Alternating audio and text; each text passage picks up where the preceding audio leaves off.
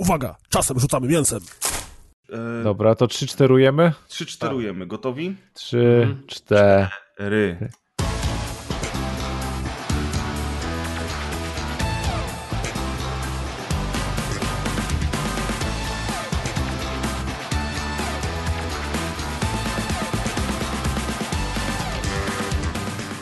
Cześć czołem.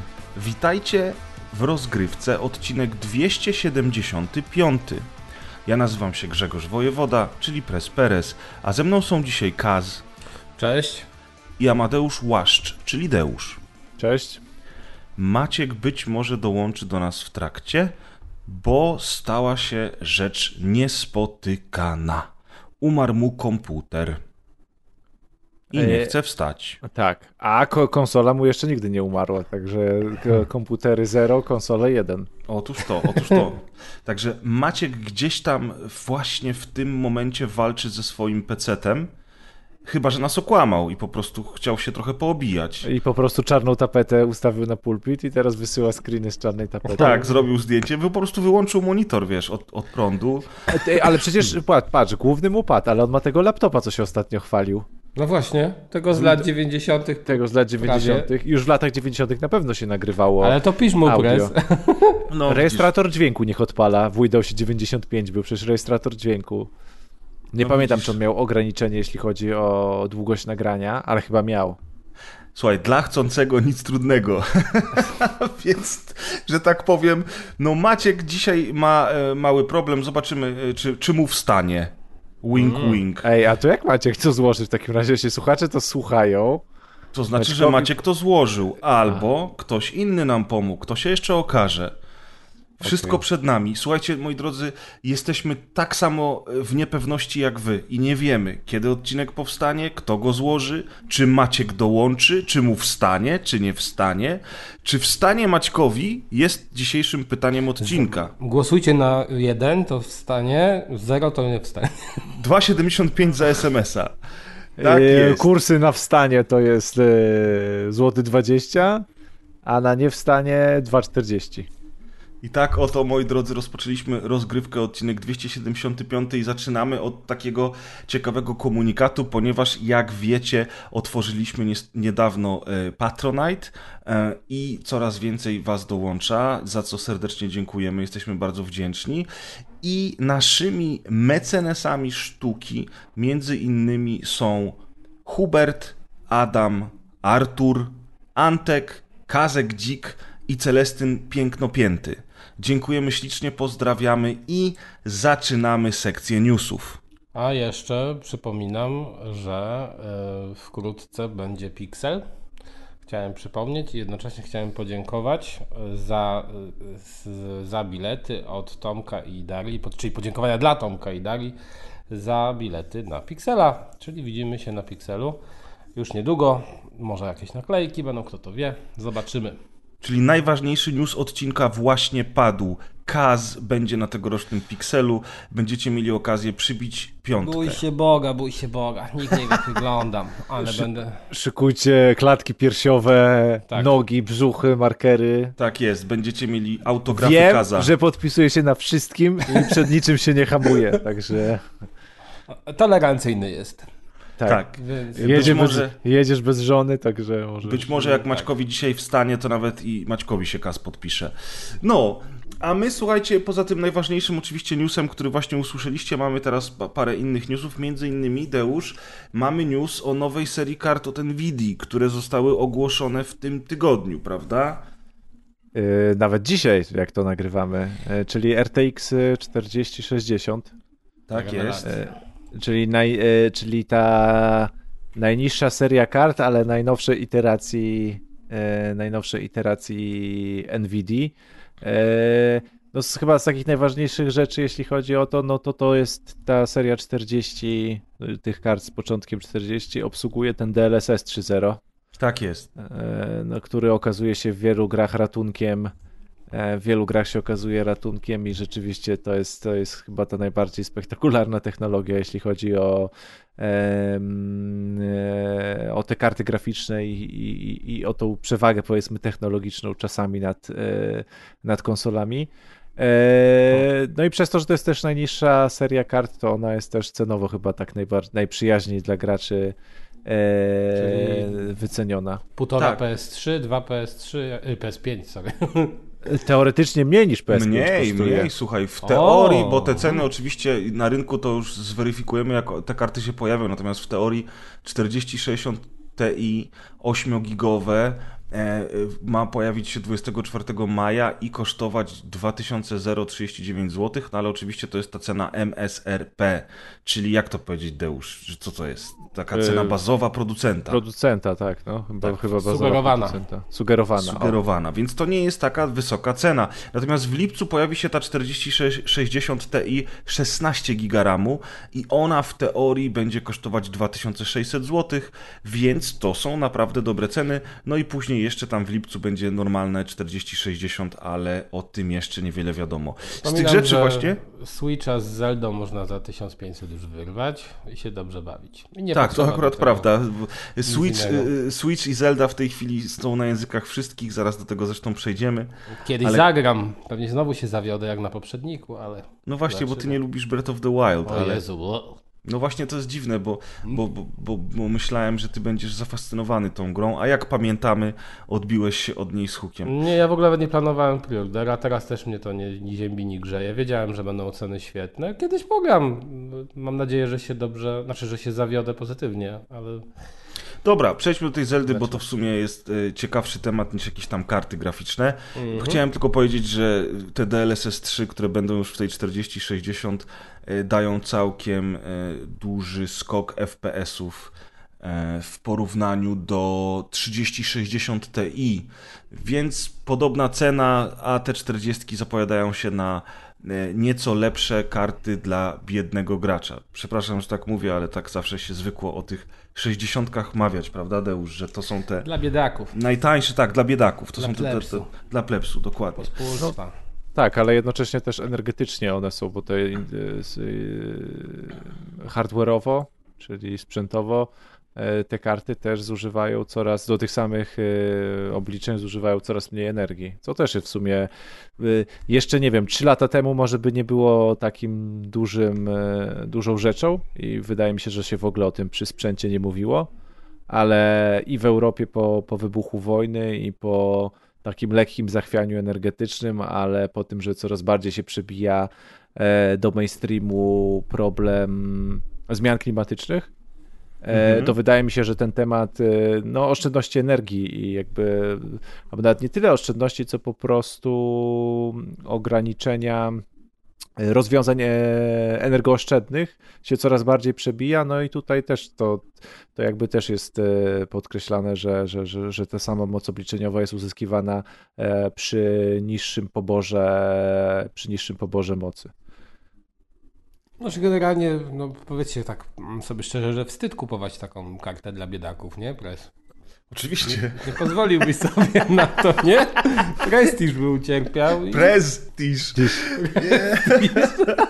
Ja się nie wypowiadam, ja mam kompa tego samego od 2016 roku, więc wiesz. Jak Press kupi taką kartę, to pierwsze co robi, to rozpakowuje od razu do kompa i udaje, że pudełko wyrzuca, i udaje, że tego nie ma, nie? Gorzej, gorzej Kaz, bo teraz większość obudów ma te szklane ten, szklano, O! szklany jeden bok, także jeszcze trzeba wszystko widać. odlutować trzeba tą literkę 6 i kupić siódemkę i tam wiesz, żeby, nie- żeby wyglądało, że to jest niby 40, nie wiem, 6, siódemkę, ósemkę albo dziewiątkę najlepiej. O, albo szóstkę z dziewiątką można zrobić, No można właśnie, zrobić kartę sobie. 40-90, wystarczy szóstkę obrócić, No otóż to. To także... rewelacja, czyli są sposoby. Zobacz, Maciek tak robił i komp mu nie działa, także No właśnie, ja bym nie Maciek tutaj przesadzał to- z No, tymi ale- zabawami. Ale Sposób zobaczcie, Maciek. Maciek ma te kompy zawsze do grania i praktycznie od zawsze też grał na kompie, ale nigdy nie był pececiarzem, no i wyszło teraz właśnie klątwa Zawsze był pececiarzem, no jak to nigdy nie No był nie, no w sensie takim mentalnym to on bardziej konsolowy jest, gra na pececie, bo musi. Bo musi. Dobrze, że go nie ma, to przynajmniej wyjaśniłeś. Jestem ciekaw, co by powiedział, gdyby był. Dobrze. On czyli- nawet czyli- jako retro konsolę to sobie kupił Lenovo. Tak, tak. Nigdy Jego nie retro konsolą jest laptop nie... XP. Dokładnie. Ewidentnie nigdy nie był PC-ciarzem chłopak. Słuchajcie, ale jak już y, przechodzimy do tych lepszych rzeczy, czyli do konsol, tak jak Kaz już zauważył, że można mieć Zeldę i Switcha za 1500 zł, mm, to Zelda, nowa Zelda, ta, która nazywa się jakoś tam, jak ona się nazywa? Tears of the Kingdom. Tears of the Kingdom, dokładnie, czyli sequel Breath of the Wild, w trzy dni od premiery sprzedała, uwaga, uwaga, 10 milionów sztuk. To jest naprawdę coś.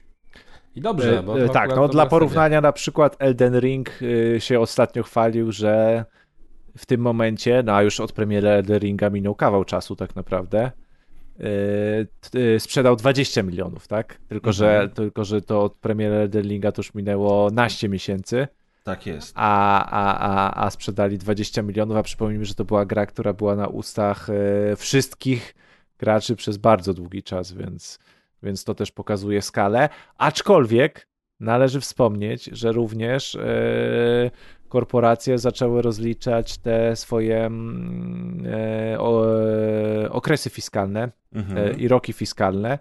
No i między innymi takiego rozlicze, takie rozliczenie przedstawiło Nintendo.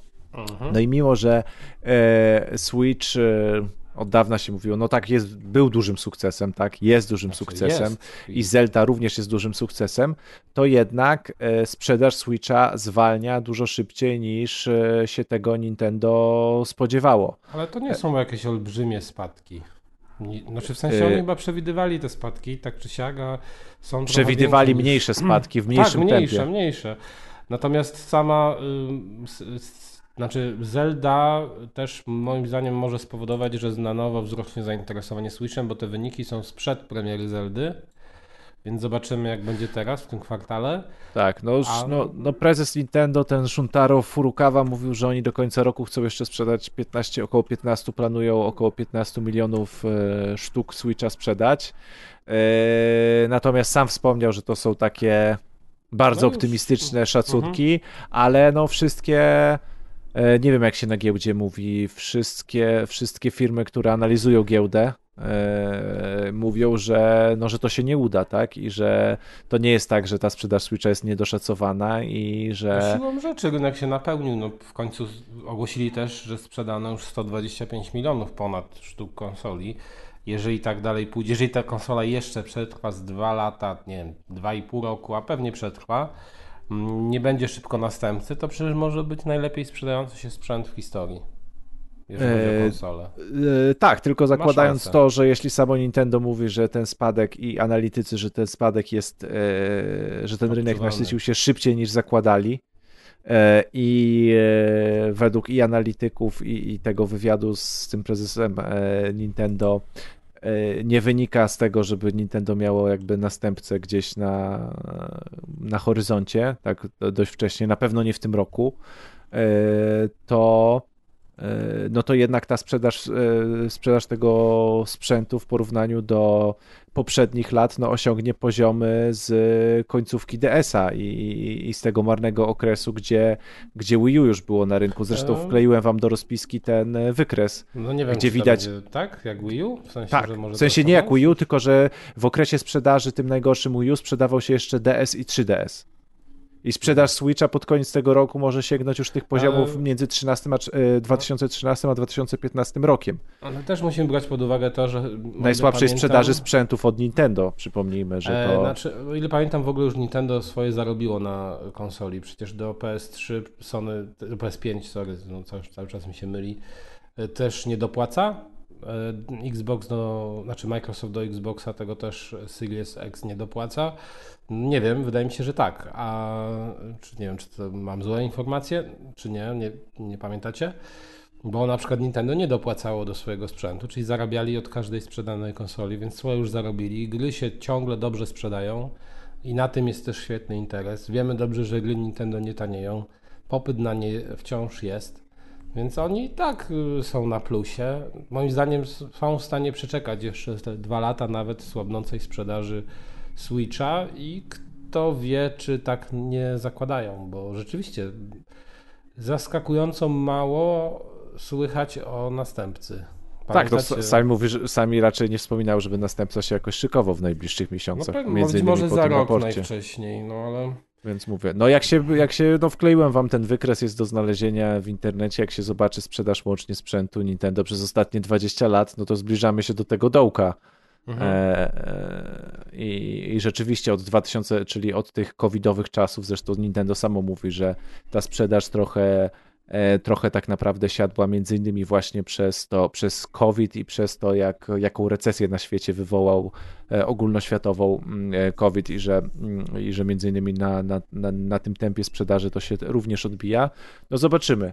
W każdym razie, no jakaś to tam, jakiś to, mimo takich super, mimo tych wszystkich super wyników gier E, gier Nintendo, no to jednak jest e, łyżka, jakaś tam łyżka dziegciu. Zresztą nawet w tym e, wywiadzie, który podsum na Bloombergu, w którym podsumowane były te wyniki, to samo Nintendo jest niezadowolone z, ze sprzedaży i Splatuna trzeciego, to jest końcówka zeszłego roku. Ale Splatoon 3 dobrze się chyba sprzedaje, nie? Czy no, poniżej oczekiwań. Tak? No i Pokémon Scarlet i Violet, które wyszło, też się sprzedało poniżej oczekiwań. Naprawdę? O, to, znaczy też wszędzie, wszędzie czytałem, że bardzo dobrze się to gry sprzedają, ale no być może oni mieli wyższe oczekiwania. Więc, no, więc możliwe, wiem. że może wiesz, przy tych 125 milionach konsol yy, procentowo, może wynik był duży, ale przy 125 milionach sprzedanych sztuk Patrz. konsol sprzedawali, yy, spodziewali się jednak większego procentowego, hmm, procentowej sprzedaży tych Być może, nie, że Splatoon 3 10 milionów do 7 lutego, nie, do 31 grudnia 10 milionów, no to kurde dużo. No to na co ósmej konsoli. Nie na co ósmej, na co dwunastej konsoli, tak? Czyli bardzo, no nie wiem, no może rzeczywiście się nie spodziewali mocniejszego wyniku, ale no ten, ile, ilu wydawców by chciało, żeby ich tytuły się tak sprzedawały? To jest po prostu kosmos. Co, co na Switchu się wyprawia. W ogóle tak. to, co Nintendo robi czasami, jeżeli chodzi o to. Dobrze, ale ja tylko chciałem chwilę o Zeldzie, a wy tu robicie odcinek specjalny no o dobra, Nintendo. No, Dobra, no, no jedziemy dalej. No, dobra. Nie, no ja już powiedziałem o Zeldzie, 10 baniek się sprzedało. Y, w każdym razie, żeby po prostu nie przedłużać za bardzo tego tutaj działu newsowego, mhm. przejdźmy dalej do kolejnych newsów, które przygotował do nas dzisiaj Amadeusz. E, ach tak, no bo obiecałem, że będziemy kontynuowali dramę Activision Blizzard, zakup Microsoftu, zakup Activision Blizzard przez Microsoft. No i niestety chyba dość szybki koniec nastanie całej dramy, ponieważ 15 maja Komisja Europejska zezwoliła na, wydała zgodę na przejęcie Activision Blizzard przez Microsoft pod pewnymi warunkami, które już zresztą zostawiły e, pod stołem. E, I w tym komunikacie wydanym przez Komisję Europejską, przez e, tę komórkę zajmującą się mm, handlem międzynarodowym, można przeczytać, że zgoda była uzależniona od zaakceptowania przez Microsoft pewnych ustępstw. No i tu komisja przypomniała, że cały czas jakby to przejęciem, mm, przejęciem e, e, Activision przez Microsoft może powodować pewne zachwianie na rynku gier, szczególnie w zakresie subskrypcji i przesyłania strumieniowego gier oraz dostępu gier na systemach innych niż, e, niż Windows.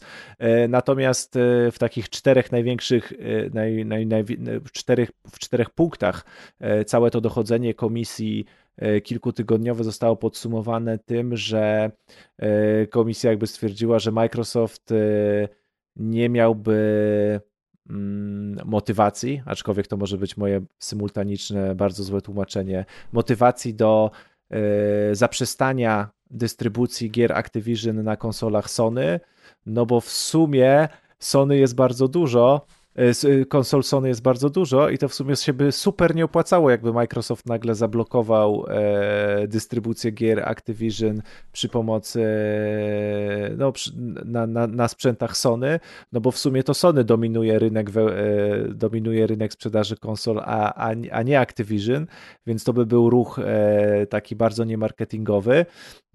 E, co więcej, stwierdza, że nawet jeśli a jeśli jednak Microsoft by się zdecydował na ten krok, to jest drugi wniosek, to i tak w sumie nie zachwiałoby to konkurencyjności na rynku konsol, no bo Sony jest na tyle dużą firmą e, z tyloma grami, że potrafiłoby na zasadach rynkowych e, na zasadach rynkowych na, ryn na, na tym rynku gier wideo się obronić i zaproponować jakieś alternatywne tytuły ze swoich studiów wewnętrznych albo e, od, e, od innych wydawców. Więc to w sumie dwa wnioski, że albo by się nie opłacało, albo tak naprawdę Sony by się dało, da, Sony by dało radę e, się obronić. E, co więcej, e, tutaj największy w trzecim wniosku Microsoft mówi, że no największym e, Microsoft, Komisja Europejska mówi, że największym tym zagrożeniem jest e, przede wszystkim e, to zagrożenie w dostępie do usług strumieniowania gier czyli że Microsoft mógłby ograniczać strumieniowanie gier tylko dla swoich e, systemów strumieniowania, czyli jak rozumiem Game Passa, tych Game Passowych rozwiązań. E, I, I czwarty wniosek, że Microsoft również mógłby ograniczać dostępność do, do, do, do tych gier poza systemami Windows, e, Windowsowymi, czyli na innych komputerach osobistych niż komputery, komputery z Windowsem. No i komisja twierdzi, że z Microsoftem uzgodniła środki zaradcze i te środki zaradcze to, jest, to są po prostu bezpłatne licencje dla e, wszystkich firm działających w e, to się chyba po polsku nazywa Europejski Obszar Gospodarczy czyli dla wszystkich firm po prostu działających e, w Europie. I ta licencja dotyczy, e, licencja kilkuletnia dotyczy mm, gier Activision Blizzard, które będą udostępniane jakby innym usługodawcom e, streamingu gier wideo. Tak, żeby ten rozwijający się rynek, bo on jest rozwijający się z punktu widzenia ekonomicznego, żeby nie był stopowany przez to, e, to przejęcie. No ewidentnie tutaj Microsoft, e, tak jak w tych wszystkich odcinkach i dramach, o których wspominałem, e, że w to wszystko zamieszane jest również Google i w to wszystko zamieszana jest również Nvidia. Widać, że tutaj swoje trzy grosze i swoje również ugrały te systemy do ci dostawcy usług do, do, do strumieniowania gier, mm, e, gier wideo.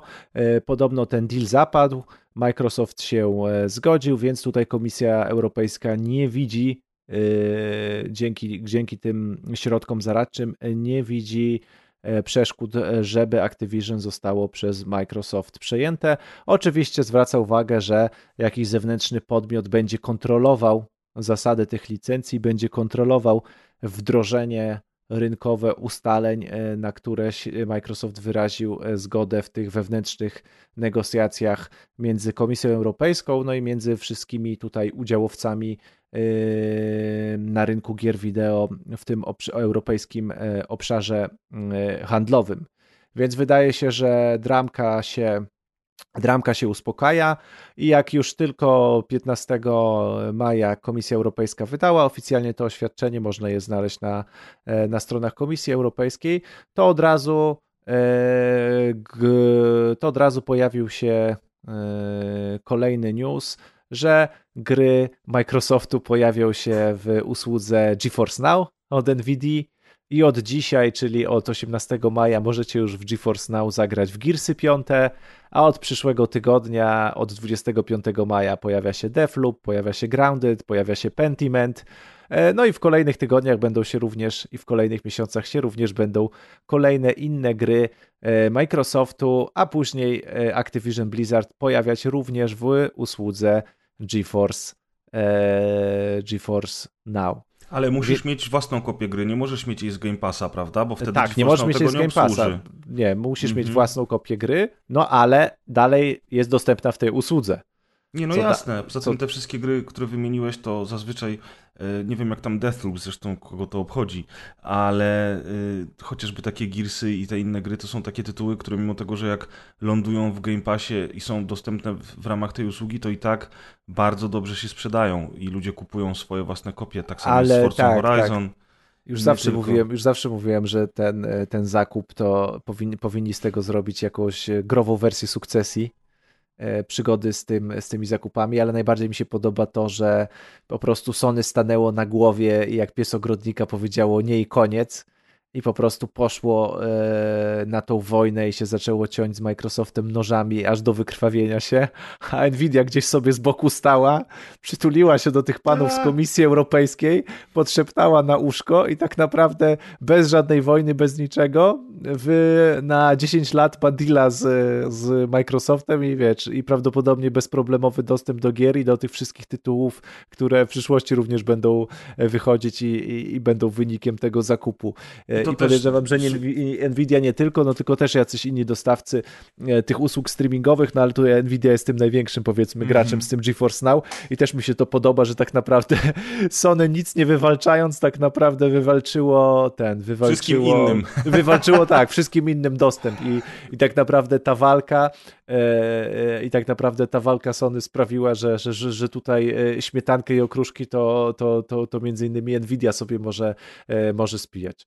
I wiesz co, to jest jeszcze ciekawostka, bo mm, jeżeli chodzi o ten deal z Nvidia na 10 lat, to jest dobra wiadomość, jeżeli chodzi o optymalizację sterowniki o DLSS 3, bo jeżeli oni będą ze sobą ściśle współpracować, to te kolejne gry od Microsoftu będą chociażby mieć obsługę DLSS 3 i to jest bardzo fajna rzecz. No dobrze, E, czyli my otwieramy szampana, moi drodzy, wygraliśmy. I, i, i, i, wszyscy, znaczy, I wszyscy tutaj zwolennicy, wolny rynek, wolny rynek, zero regulacji zewnętrznych i tak dalej. Zobaczcie, jakby był wolny rynek, to już by dawno było pokupnie i byście se nic nie zagrali na tym. No. I by nic. A tak, panowie w garniturach wam załatwili Gearsy piątkę w GeForce Now, także, także zobaczcie, nie ma tego złego, co by, nie ma tego złego, co by, co by ten, co by na dobre nie wyszło.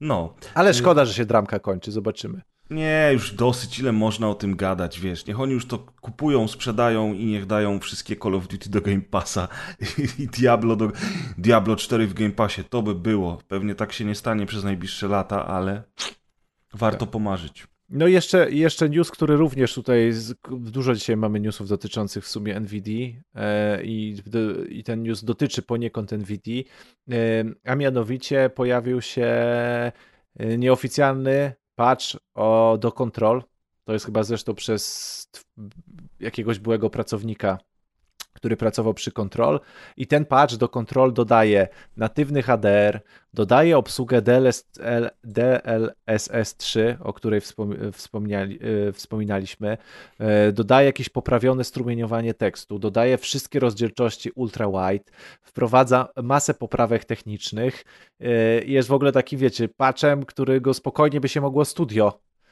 nim bez problemu chwalić na swoich social mediach jako jako jakiś taki big deal, e, e, że się pojawił taki patch, a to jest tak naprawdę dostępne na tej stronie z patchami tych Nexus Modes i można go ściągnąć sobie za darmo do, do kontrol. I dodałem ten news kolejny raz, bo zawsze mnie zadziwia, jak czytam takie newsy, sytuacja, o której już wspominałem przy ostatnim Harry Potterze. Nie wiem, czy pamiętacie, on się borykał na premierę, ten Hogwarts Legacy borykał się na premierę z dużymi problemami technicznymi no i w przeciągu pierwszego, drugiego, trzeciego dnia nagle przyszli moderzy, twórcy, którzy y, i, i, i, i, gracze, którzy się znają powiedzmy na programowaniu i na tworzeniu gier, ale nigdy akurat tego konkretnego tytułu nie zrobili. I nagle 2-3 dni i grupka osób robi patche e, jakieś do, do, do Hogwarts Legacy i nagle ta gra działa dwa razy lepiej niż, niż firma, która, która, która, która ją stworzyła. I tak zawsze się zastanawiam, gdzie setki osób robią wielkie tytuły, wychodzi ten tytuł, ma słabą optymalizację i nagle 20 randomów z internetu na zasadzie inżynierii wstecznej, no bo przecież nie mają jakby dostępu do pełnego kodu, potrafią w kilka, kilkanaście godzin zoptymalizować w miarę ten tytuł, mając dostępne narzędzia. I, I tutaj mamy kolejny raz, wiecie, że mamy kontrol i mamy gościa i ten gość zrobił nagle y, integrację do LLS3, HDR-y, rozdzielczości ultra-wide i tak się zastanawiam, czemu nie można mieć takich jednego, dwóch gości, którzy, kurde, trzy dni przed premierą siądą do tego kodu i po prostu to zrobią. Wiesz co, bo ja podejrzewam, że, że Wiesz, za producentów, skoro to jest w końcu jest takie trudne, jest, czy to nie jest takie super To nie jest mentalność urzędnicza, że, że generalnie... No bo wiecie o to chodzi, to jest w takim razie trudno jest zoptymalizować, czy nie? Czy skoro jeden gość to, to trafi zrobić, czy grupka gości z no, internetu? No, widocznie są tacy goście jakby... z większymi umiejętnościami niż... Zawsze, zawsze, wiesz, zawsze mnie to zadziwia, ale ten gość pracował przy kontrol, co to zrobił. Aha. Ale wiesz, narzędzia się zmieniły. Może do, mają teraz dostęp do nowych technologii, chociażby DLSS 3, który wtedy przy premierze Control no nie był jeszcze No dobra, no to, no to kolejny raz. No widzisz, masz, masz Nvidia się chwali tam, że nie wiem, DLS, DLSS 3 jest dostępny, nie wiem, w 40 chyba kilku tytułach, z tego co pamiętam. E, mhm. Mogę teraz kłamać, więc to biorę w cudzysłów, ale w, w nastu tych tytułach. No ale skoro jeden gość robi implementację jego do, w, w grze, to naprawdę trudno jest, nie wiem, wziąć takich 50 czy 100 gości i żeby nagle tych gier z DLSS-em 3.0 było, nie wiem, 100? Skoro wiesz, skoro pojedyncze osoby potrafią zrobić implementację do jakichś tytułów? No, nie wiem, stary. Skoro tych patchy nie może wyjść 100, czy, czy, czy, to jest takie trudne, czy to jest... Bo zawsze się zastanawiam, gdzie, gdzie leży prawda przy tych wszystkich e, przy tych wszystkich rzeczach i mówię, i, i, i te gry wychodzą w coraz gorszym stanie, no bo i ostatnio i Redfall i, i, i, i wiele I Jedi. innych... I Jedi i one wychodzą w wielu innych. Zresztą, hello, do Jedi wyszedł już również patch, do nowych, do Jedi e, do Jedi Survivor wyszedł patch, i również dodaje nieoficjalnie obsługę DLSS 3.0. No I nagle na PC jest dwa razy więcej klatek podobno z tym patchem. No bo no bo Nvidia udostępnia też odpowiednie narzędzia do tego, żeby oni mogli grzebać. No, ale wiesz, ale twórcy gry nie mają tych narzędzi. No jest, fakt, wiesz, no, tydzień po premierze, no, no, nie? Już mamy DLSS 3 nieoficjalnie no, w tej grze. są trzy tygodnie po premierze. No dobra, trzy tygodnie, ale, ale, ale wiadomo o co chodzi. jest przed tak, tygodniem tak, tak, jakby, tak. nie? Jasne, jasne. No jasne, oczywiście. No więc są ludzie, nie, którym się no, chce total, są Totalnie ludzie, nie wiem, nie czy, to jest, czy to jest jakieś w ogóle zderzenie się tej wizji gości, którzy zaraz po premierze siadają i, e, e, i za wszelką cenę i nie śpią i na hektolitrach kawy robią te newsy, patche i optymalizację versus, nie wiem, jakieś takie korporacyjne zamykanie gry na, nie wiem, tam miesiąc przed premierą i, i, i robimy tylko to, co każe, y, nie wiem, tam jakiś menadżer czy jakaś wyższa osoba, która tam pierdzieli dwie kratki więcej, czy tam dwie kratki mniej, ważne, żeby się zgadzało wszystko w tabelkach i w Excelach, a, a, a jak ktoś przychodzi i chciałby jakoś robić optymalizację, to wtedy to jest spychane na, na dalszy plan, w tym takim drabince y, potrzeb masłowa growych, czy, czy, czy o co chodzi, bo naprawdę za każdym razem jest to dla mnie niezwykłą tajemnicą. Szczególnie jak czytam takie newsy jak ten o, o, o Control. Strasznie trudne pytania dzisiaj zadajesz. E, Podejrzewam, że odpowiedzi są jeszcze bardziej skomplikowane niż twoje pytania. I wiesz, na to wszystko wiele czynników ma wpływ. Przy czym oczywiście zaniedbania e, twórców są jednym z tych czynników, a drugim czynnikiem jest jeszcze oczywiście wpływ hmm, kogo, jak to powiedzieć, kurczę. No kim są ci źli, straszni ludzie, którzy stoją za tymi biednymi producentami i mówią wydaj tę grę teraz, bo... Masoni? Masoni, o właśnie, o masonów mi chodziło, dziękuję. No, no, no, więc właśnie. To no, jedna wielka loża. Producenci i masoni. Nie chcesz nawet wiedzieć, problem. ile ze względu na to, żebyśmy nie dostali bana w internecie, pominąłem nazw, dopóki nie doszedłem do masonów i wydaje mi się, że jeszcze, że jeszcze mogłem wspomnieć o masony. Że... No, oczywiście chodziło mi o... Reptilian. Tak, tak, dziękuję. Ja nie wiem, co dzisiaj, czy to jest kwestia pogody, czy czego ja tak wolno myślę, ale na szczęście ty reagujesz szybko. Więc moi drodzy, obecny stan gier, czyli gówniane wersje PC-owe, y, Zelda na Switchu działająca poniżej 300 klatek bardzo często, dropy, spadki. Poniżej 25 chyba no, bardzo często działające. Wysokie, wysokie ceny gier, imba o Xboxa i Activision, to wszystko jest wina producentów, masonów i reptilian. Dowiedzieliście się u nas jako pierwszych. Pamiętajcie, rozgrywka uczy i bawi. A teraz ostatni news dzisiejszego odcinka, czyli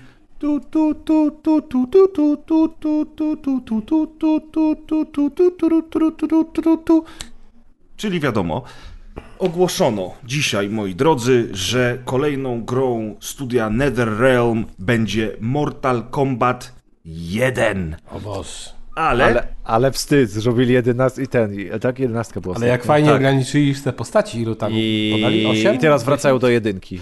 Tylko, że to nie jest takie proste, dlatego, że jeżeli graliście w Mortal Kombat 11 i dodatek Aftermath, to wiecie, że tam ta rzeczywistość została zmieniona. No dobrze, nowym... ale ten reset światów to już nie był z 20 razy? No pewnie, że był. Kogo grach? w ogóle obchodzi, wiesz, Tomek Pieniak, gdyby był z nami na nagraniu, to by powiedział, że jego obchodzi i w ogóle jak ja śmiem, ale prawda jest taka, że kogo obchodzą te historyjki w Mortal Kombat, przez to się idzie zgubić.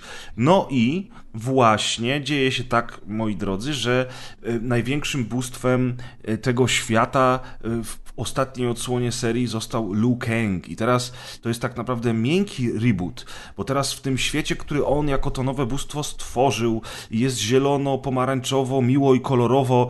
Okazuje się, że oczywiście zło i tak gdzieś tam się przebija, dochodzi do kolejnego turnieju Mortal Kombat, który tak naprawdę jest pierwszym turniejem Mortal Kombat w nowej rzeczywistości, w której bogiem nie jest Raiden, a Liu Kang. Chyba rozumiecie o co mi chodzi, nie ma co tego kontynuować pomieszane z poplątaniem. Natomiast tak, Mortal Kombat 1 zostało dziś zapowiedziane. No i będziemy mogli teraz od nowa iść z numeracją, tak? Jak Tak rozumiem. jest, tak jest. Chyba, że zrobią tak jak z Battlefieldem 5 na przykład, Jak wiesz. z FIFA powinni zrobić.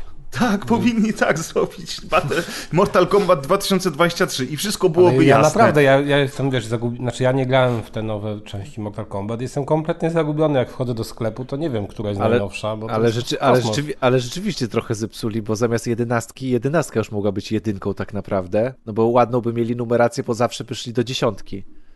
I teraz by mieli, wiesz, jedenastka to była jedynka, dwunastka była dwójka i łatwiej by było, a teraz jedynka to tak naprawdę będzie dwunastka i znowu trzeba będzie kombinować i tutaj jakiś przelicznik zrobić, jak z Cels- Ja nie wiem nawet, czy Celsjusza na wszystkie, Fahrenheita. wiesz, ja nie wiem nawet, czy wszystkie te gry się liczą do numeracji. Był przecież Mortal Kombat vs. DC Universe. E, wiesz, te, te resety podczas ery PlayStation 2, kiedy było Deadly Alliance i Armageddon, to już było... Ale czekaj, a te, ten prawdziwy reset to była ósemka, czy jak oni go nazwali? e, to był po prostu Mortal Kombat. A później była dziewiątka. Co? Nie, czekaj. Mortal, nie, Mortal Kombat 9 to był reset, masz rację. Był Dziewięć? Mortal Kombat Dobra. 9, A nie potem osiem. był Mortal Kombat 10, moja ulubiona odsłona serii, e, a następnie Mortal Kombat 11 z tym obfitym dodatkiem Aftermath. Ciekawe, czy wróci to sterowanie z Amigi na jeden przycisk. Na jeden przycisk. Jestem- Tak, na pewno wróci kas, tak, tak. Właśnie, ciekaw, właśnie, no. po to, właśnie po to razem e, z, e, z tym, z Edem, jak oni się nazywają? Ed Boon Boon. i Tobias jakiś tam, prawda? Jak on się nazywa ten Tobias? Zaraz Nie będzie. John? John Tobias chyba, tak. Tobias, mów po polsku, Tobias taki. Tak, y, Ed Boon i, i- John Tobias będą tę grę tworzyli razem, bo od 2011 roku tylko Ed Boon pracował przy tych Mortalach, a teraz y, Tobias, czy też Tobias To dopiero y, jest zderzenie powraca. światów. Tak, więc liczymy na naprawdę, naprawdę dobrą grę. Mortal Kombat! Tu, tu, tu, tu, tu, tu, tu, Może film w końcu dobry powstanie. Oj, powstaje dwójka y, tego nowego y, filmowego uniwersum i przecież ten pierwszy film był tragiczny. Lipton, Lipton. Wiesz, wszyscy wymaza wymazaliśmy go w ogóle z pamięci, a oni robią sequel. No i w sequelu w ogóle ciekawostka, bo Oj, nie, Terminatorów też robili, robili wiele sequeli, później kończyli daną fabułę i robili kolejny sequel, ale tak. już innej części, więc No tak, ale to jest spokojnie. bezpoś- ale to A i jest tak było bezpośrednio- gorzej za każdym razem, więc... tak, no właśnie. I tym optymistycznym akcentem. Aha, to jeszcze tylko powiedzmy, że to tam, że zapow- zapowiedziany został dzisiaj, a wychodzi już we wrześniu. A, to tak, to jest ważne, że wychodzi na, na, w najbliższym czasie. Chciałem powiedzieć na dniach, ale to byłby zbyt duży optymizm. Natomiast jeszcze chciałem powiedzieć pro tego filmu Mortal Kombat, że z tego No i co patrz, słyszałem... można przez dwa miesiące zrobić grę. Tak, tak, no. Tak, bo oni zaczynają właśnie robić. Oni Zaczynają- wczoraj zaczęli. Wczoraj Oni tak zaczęli. po, posa, posadzili ten, posadzili wszystkich programistów w sali konferencyjnej i powiedzieli, zobaczcie jaki mamy trailer, to jest nasz koncept gry, wychodzi we wrześniu. Tak. Nie, oni wzięli, oni wzięli tych ludzi z internetu, którzy te pacze klepią teraz do Tak, tych dokładnie. które wyszły. Nie, przyszedł pan Tobiasz y, i pan Ed Boon i ilekolwiek Buła i mają teraz lat, żeby nie tutaj... 140. 140. Oni są starsi od Samsunga już. W każdym razie, w każdym razie, bo kurczę, chciałem tę myśl dokończyć, więc dokończę. Moim zdaniem to jest ciekawostka, bo ten pierwszy film był gówniany, e, a tutaj w drugiej części w e, Johnego Cage'a ma się wcielić Karl Ur Urban, którego znamy m.in. z filmu Sędzia Dredd, Władca Pierścieni, czy z serialu The Boys.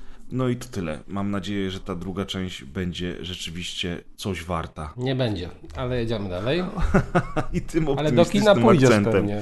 Tak, a No ja teraz, pójdę, na, pójdę, ale wiesz... teraz ja- trzeba na Mario, pamiętajcie, bo właśnie Tak, w Polsce... Kina? Do, na Mario, do kina. kina Szybcy totalnie. wściekli 10 w tym Daj weekend. spokój, nie, nie. Ja z moimi kuzynami y, od tygodnia y, robię maraton od piąteczki.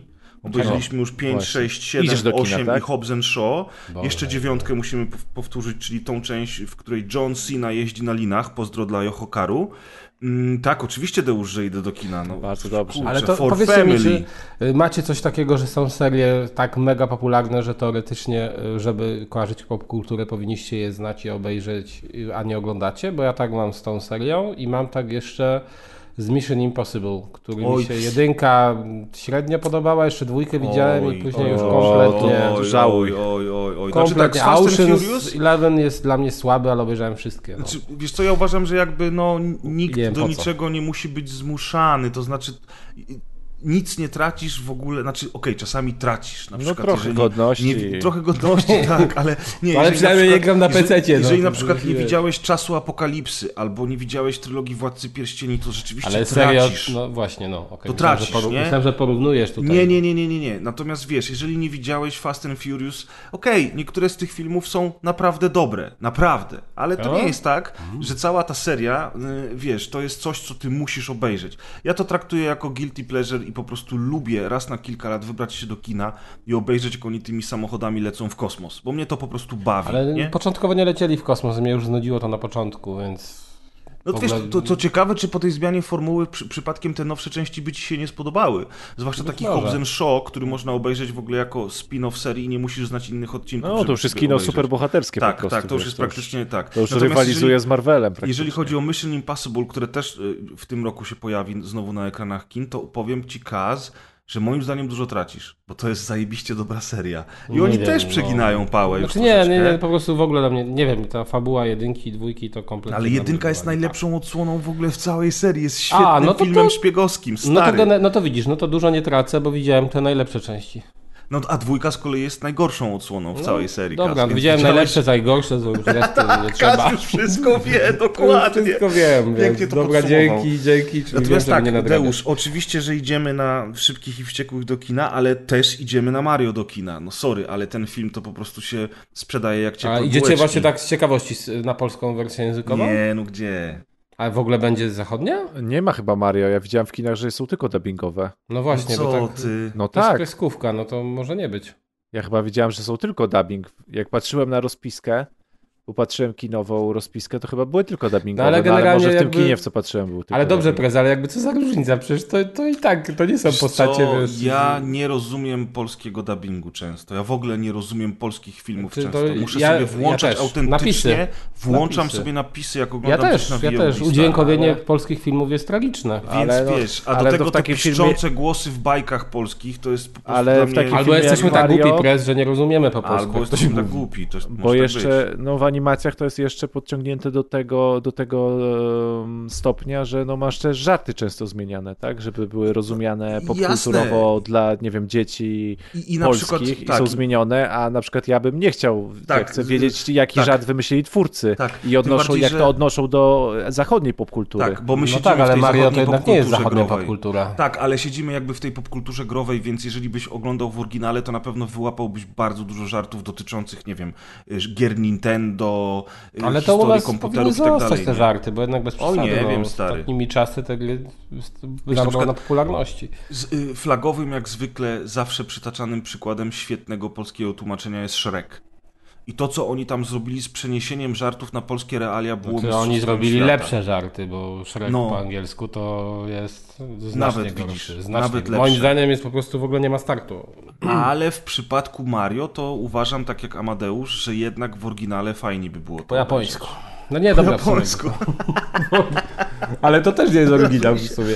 Od razu mi się przypomina jak ten, jak taki komiks, jak, jak przychodzą bracia Mario do domu i, i matka do nich mówi, o moi kochani. Nie, nie, ej, po włosku w sumie to powinno być. No właśnie. Matka, matka mówi, kochani, kochani Mariowie moi, jak dobrze was widzieć z powrotem w domu. No i Mario wchodzi cały i szczęśliwy do środka, a Luigi stoi w korytarzu ze spuszczoną głową i mówi, mamo, czy ty kiedyś zapamiętasz moje imię? A mama mu odpowiada, przykro mi zielony Mario. Tak sobie patrzę po kinach, żeby zobaczyć tego Mario. Ale kuźwa, po pierwsze jest dubbing, to zacznijmy, ale dobra, przetrwamy ten dubbing. Ale w większości kin ostatnie seanse to są około 15 tego Mario. Chodzenie do kina przed 15 to jest jakby wyklucza się z celem chodzenia do kina. Kin, do kina się chodzi wieczorem, taka jest zasada życia i ogólna Oj, zasada. powiem ci szczerze, że, że wieczorami jednak są te tłumy ludzi cza- czasami, bo, bo po, po pandemii kina zaczęły umierać i tych ludzi jest coraz mniej. Ale czasami w ciągu dnia ja lubię się wybrać do kina w weekend przede wszystkim, oczywiście, wiadomo. Chociaż jak byłem studentem, to potrafiłem się zerwać zajęć i iść na przykład na trzy filmy na cały dzień do kina i to też było piękne, bo zazwyczaj na sali siedziałem ja i jeszcze jedna osoba. I to po prostu też jest świetne doświadczenie, jak w ten sposób oglądasz film w kinie, nie? Ciekawostka odnośnie Mario. Wiedzieliście, że Mario, jakie jest nazwisko Mario?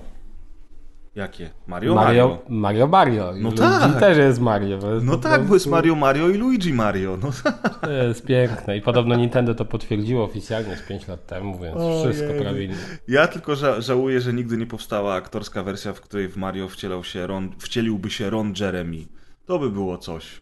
O, i sądzę, że taka mogła powstać. Mo gdzieś tam na Czy jednak, czy Press twierdzisz, że znasz tę jego filmografię tak doskonale, że... Nie, nie znam szczerze mówiąc, ale masz rację, masz rację. Trzeba poszukać, moi drodzy. Dobra, słuchajcie, zamykamy dział newsów. Rozgadaliśmy się jak zawsze, oczywiście bardzo przyjemnie się rozmawia, ale powoli przechodzimy już do działu recenzji. Mniej przyjemnego działu. Tak, mniej przyjemnego działu, zwłaszcza dzisiaj, przynajmniej w, przy, w tych tytułach, o których będę mówił ja. Nie wiem jak Kaz, natomiast Amadeusz w sumie nie masz żadnej gry na dzisiaj, No prawda? ale mogę was y, kąsać intelektualnie, Hejtować. zadawać pytania. Na to liczymy, na to liczymy. Kochani, pierwszą grą odcinka jest Star Wars Jedi Survivor, czyli sequel e, gry Star Wars Jedi Fallen Order, którą omawialiśmy kilka lat temu. I wzbudziła kontrowersję wśród nas. Wzbudziła wśród nas kontrowersję i była taką e, mieszanką gry przygodowej, akcji z Metroidvanią. Niektórzy próbowali porównywać ją do Souls lajków, czy też do gier Soulso-podobnych, ale ja bym tak daleko nadal nie szedł.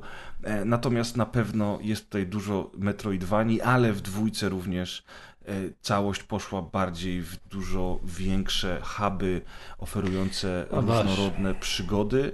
Mm, Czemu, o Boże? Przecież ty jesteś fanem Metroidvanii, Kaz. no Ale, to- znaczy wiesz co, ja akurat nie skończyłem tego Fallen Order, ale pamiętam jak Deusz mi odradził, bo początek był bardzo korytarzowy Aha, i mi się bardzo podobało to. Tak, tak akurat. bo on był taki jak Uncharted, nie? I później, nie wiem, chyba, chyba Deusz mówił, czy ty też, że później jest tylko gorzej.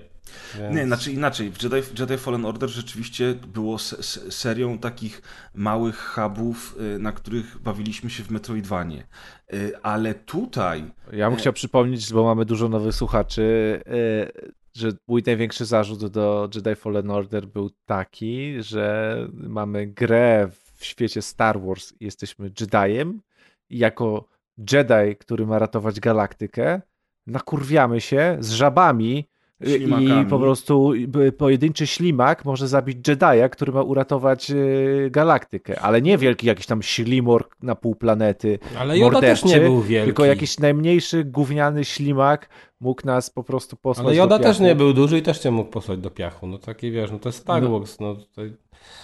Badziew goni badziew, no. No, no, no, no tak, ale jakby w, w tym Fallen Order największymi, naj, największymi naszymi Jezu, przeciwnikami to piękne. była tak naprawdę fauna i flora, która w sumie nie była taka przerażająca, tylko po prostu tyle, że była, no, że po prostu ze wszystkim, co się rusza, musieliśmy tam po prostu walczyć. no Znaczy i tak, Jabba Wszystko, co się rusza, mogło nas, żeby ta gra była, powiedzmy, w dużym cudzysłowie, tak, ale żeby ona była porównana do tych gier Soul- Souls-like'owych i do tych Soulsów i żeby tam był ten system walki i że każdy przeciwnik nas, e, od nas e, jest wymagający, to twórcy się zdecydowali na to, że tam nie będzie przeciwników na jednego hita, e, na jedno uderzenie, żeby, nie wiem, podbić to, że ty jesteś super, że masz moce i w ogóle dla ciebie na przykład jakiś tam ślimak czy żaba wielkości małego pieska nie stanowi zagrożenia, jak wpadasz na tą planetę, uratować y, po prostu całe impe, y, y, całą galaktykę uratować. Imperium tak już naprawdę wiadomo, dlaczego ci się ta gra nie podoba, bo ty jesteś To wiesz, z no ale Fallen wiesz, Orderem. ale to tak naprawdę, to tak tak to naprawdę pół planety ci nie, nie stanowi problemu, ale dopiero jak docierasz do jakiegoś bossa czy mini bossa,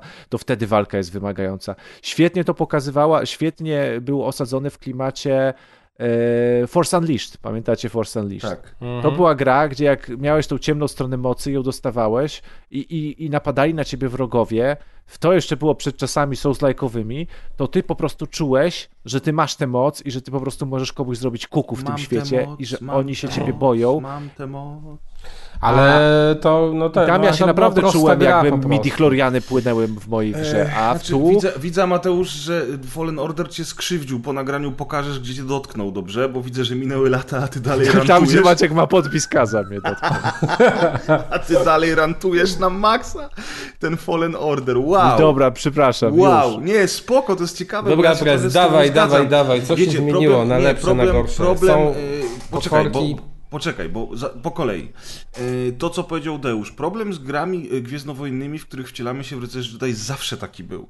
Że te miecze świetne powinny wszystko przecinać e, niczym nóż wchodzący w masło, tymczasem no nie da się tak. Czy to było Star Wars Knights of the Old Republic, czy to był um, Jedi Knight, to jeżeli miałeś wyższy poziom trudności, to te miecze świetne czasami jednak musiały parę razy uderzyć, żeby tego przeciwnika załatwić, a ponieważ to zawsze były Gwiezdne Wojny, więc produkt taki troszeczkę nastawiony na, na, na młodzież. A pamiętacie to na SNESie, jakie to było gówno trudne? To dopiero była gra, w której się mogłeś jak śmieć poczuć. A niby też byłeś Jedi. No tam byłeś Także młodym to... lukiem, więc jeszcze nie... nie no ale co z tego, Jedi. mieczek miałeś? No i w każdym razie jakby mm, zgubiłem wątek, dziękuję Piotrek. Nie ma sprawy. E, mówiłeś o problemie gier Star Wars. Tak, że... tak, tak, tak, ale... E, że są do D, bo nie masz, nie czujesz tego, że jest siła, którą powinieneś mieć w sobie.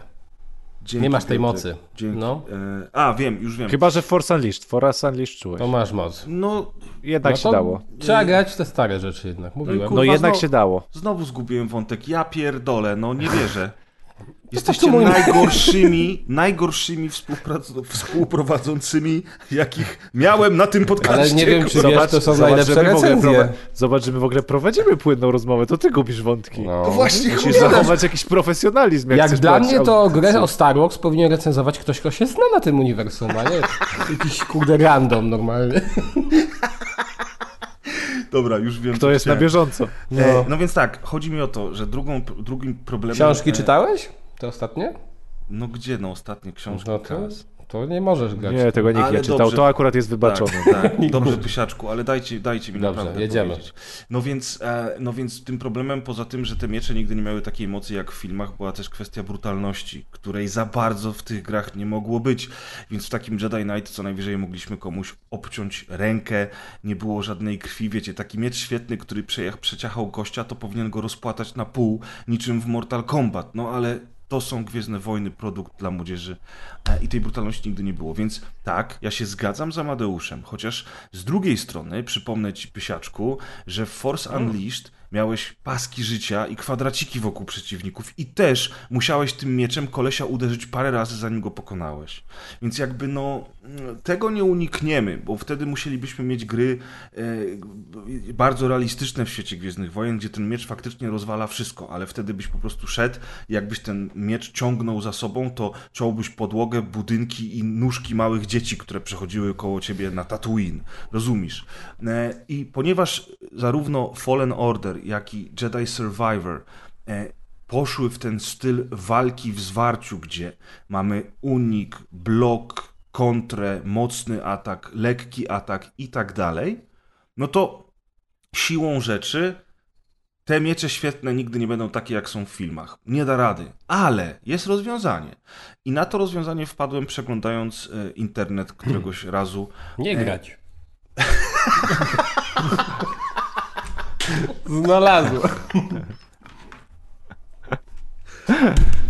O Jezu. Tyle szukania było. Gaz, to, było ten, to by było pytanie na ten Quora, jak ten, jak się pozbyć i ktoś odpowiedział nie grać. Nie grać. Kas, ja ze śmiechu wyrwałem sobie kabel ze, ze słuchawek, po czym y, próbując go z powrotem wsadzić w słuchawki, uderzyłem nim w ogóle w mikrofon. Tutaj zaraz mi się biurko rozpadnie. Dobra. Y, rozwiązanie jest bardzo proste. Jest poziom trudności, który nazywa się Story Mode.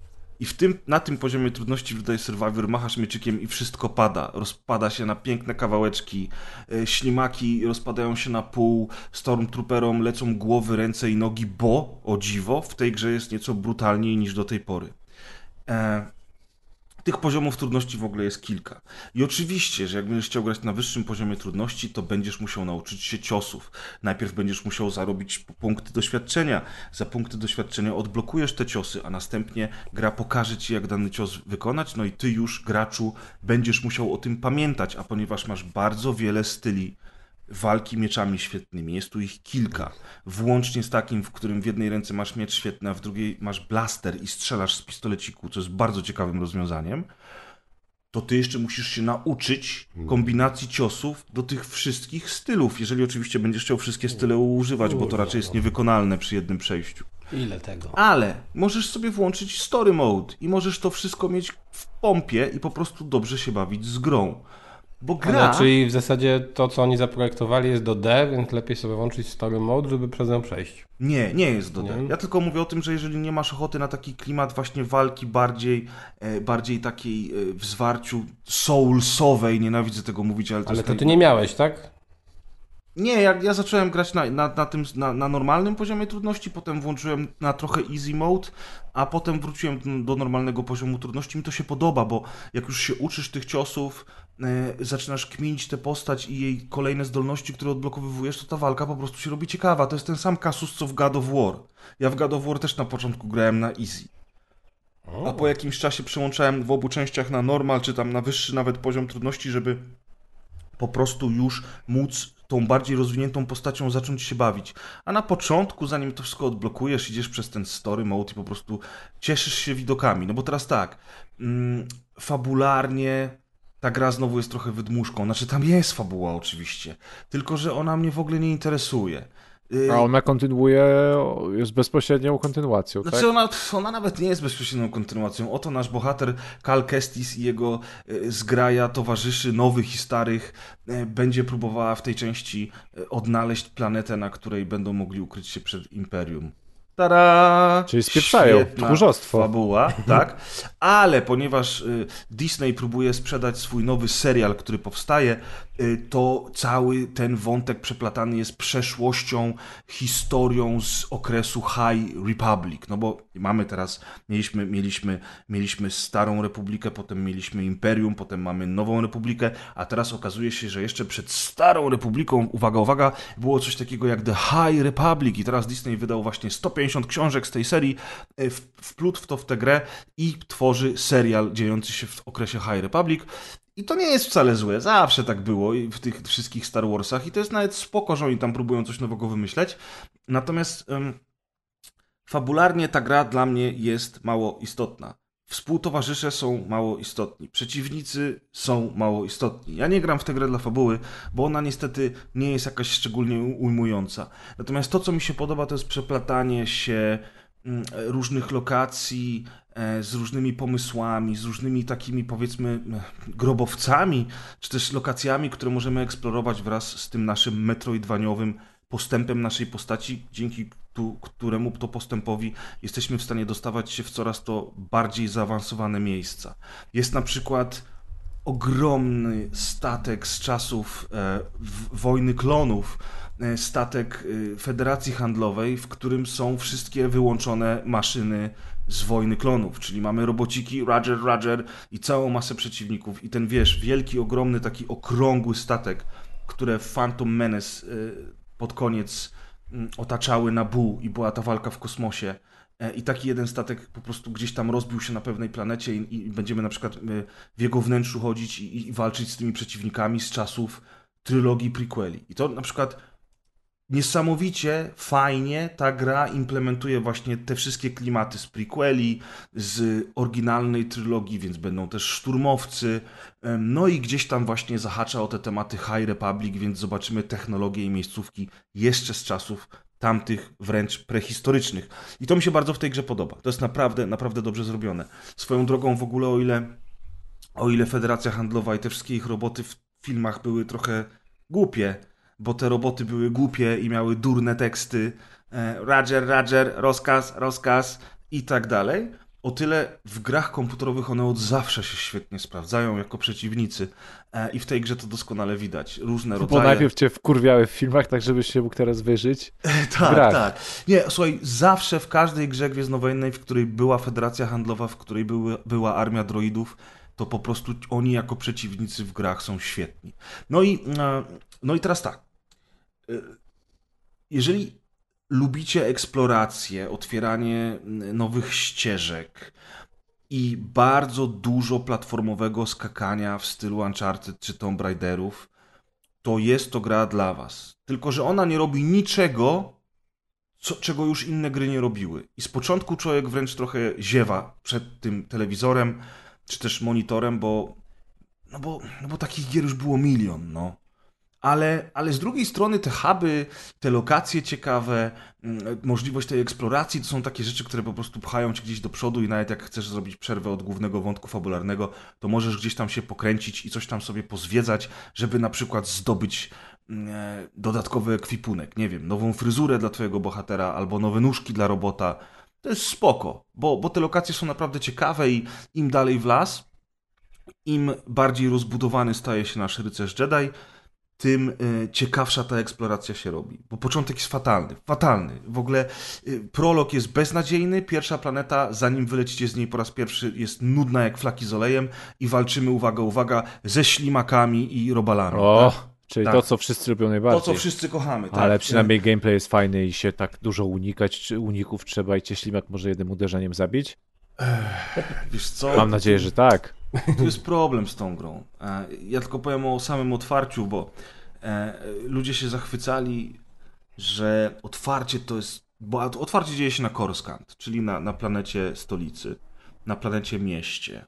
I ludzie zachwycali się tym, że wow, gra Star Wars 1313 nigdy nie powstała, ale to nie szkodzi, bo dzięki nowej grze Jedi Survivor możemy wreszcie to Coruscant zwiedzić jako my, gracze. No i okazuje się, że dostajemy Coruscant, e, ale jest ono puste. Bo fabularnie imperator ogłosił mm, godzinę policyjną i jedynymi ludźmi, którzy chodzą po mieście są szturmowcy, bo ludzie się pochowali w domach, bo twórcy nie potrafili zrobić żyjącego, zapełnionego ludźmi Coruscant, więc dostaliśmy pustą mapkę z grupkami szturmowców, z którymi walczymy i latające na niebie ponad nami pojazdy. To jest wielkie, wspaniałe Coruscant, którym zachwycił się internet.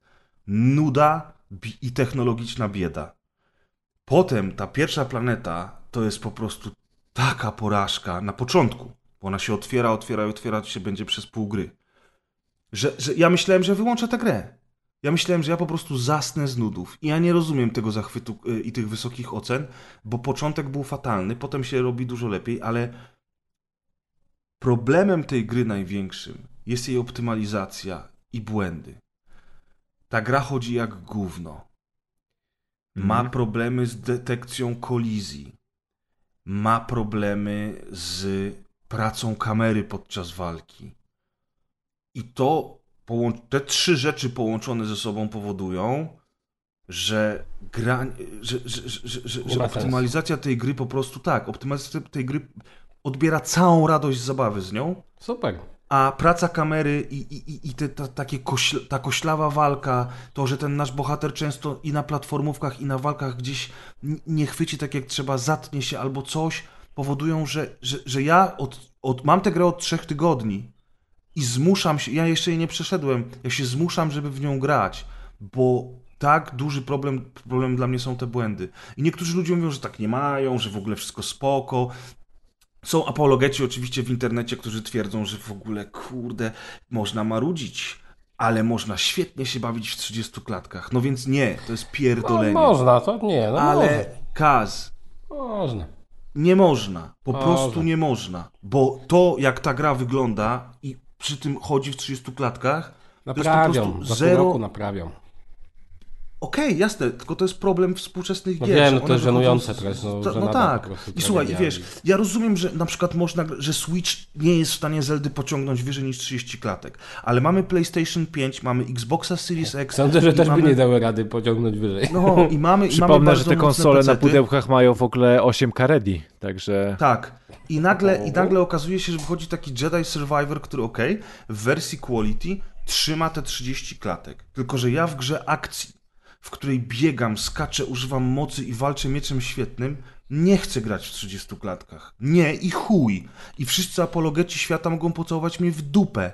Jest 2023 rok. Te konsole, te sprzęty powstały po to, żeby grać w 60 klatkach. Natomiast jak przełączam się w tryb performance, to rozdzielczość tej gry spada chyba do 800p. Naprawdę. Wygląda to jak mydło.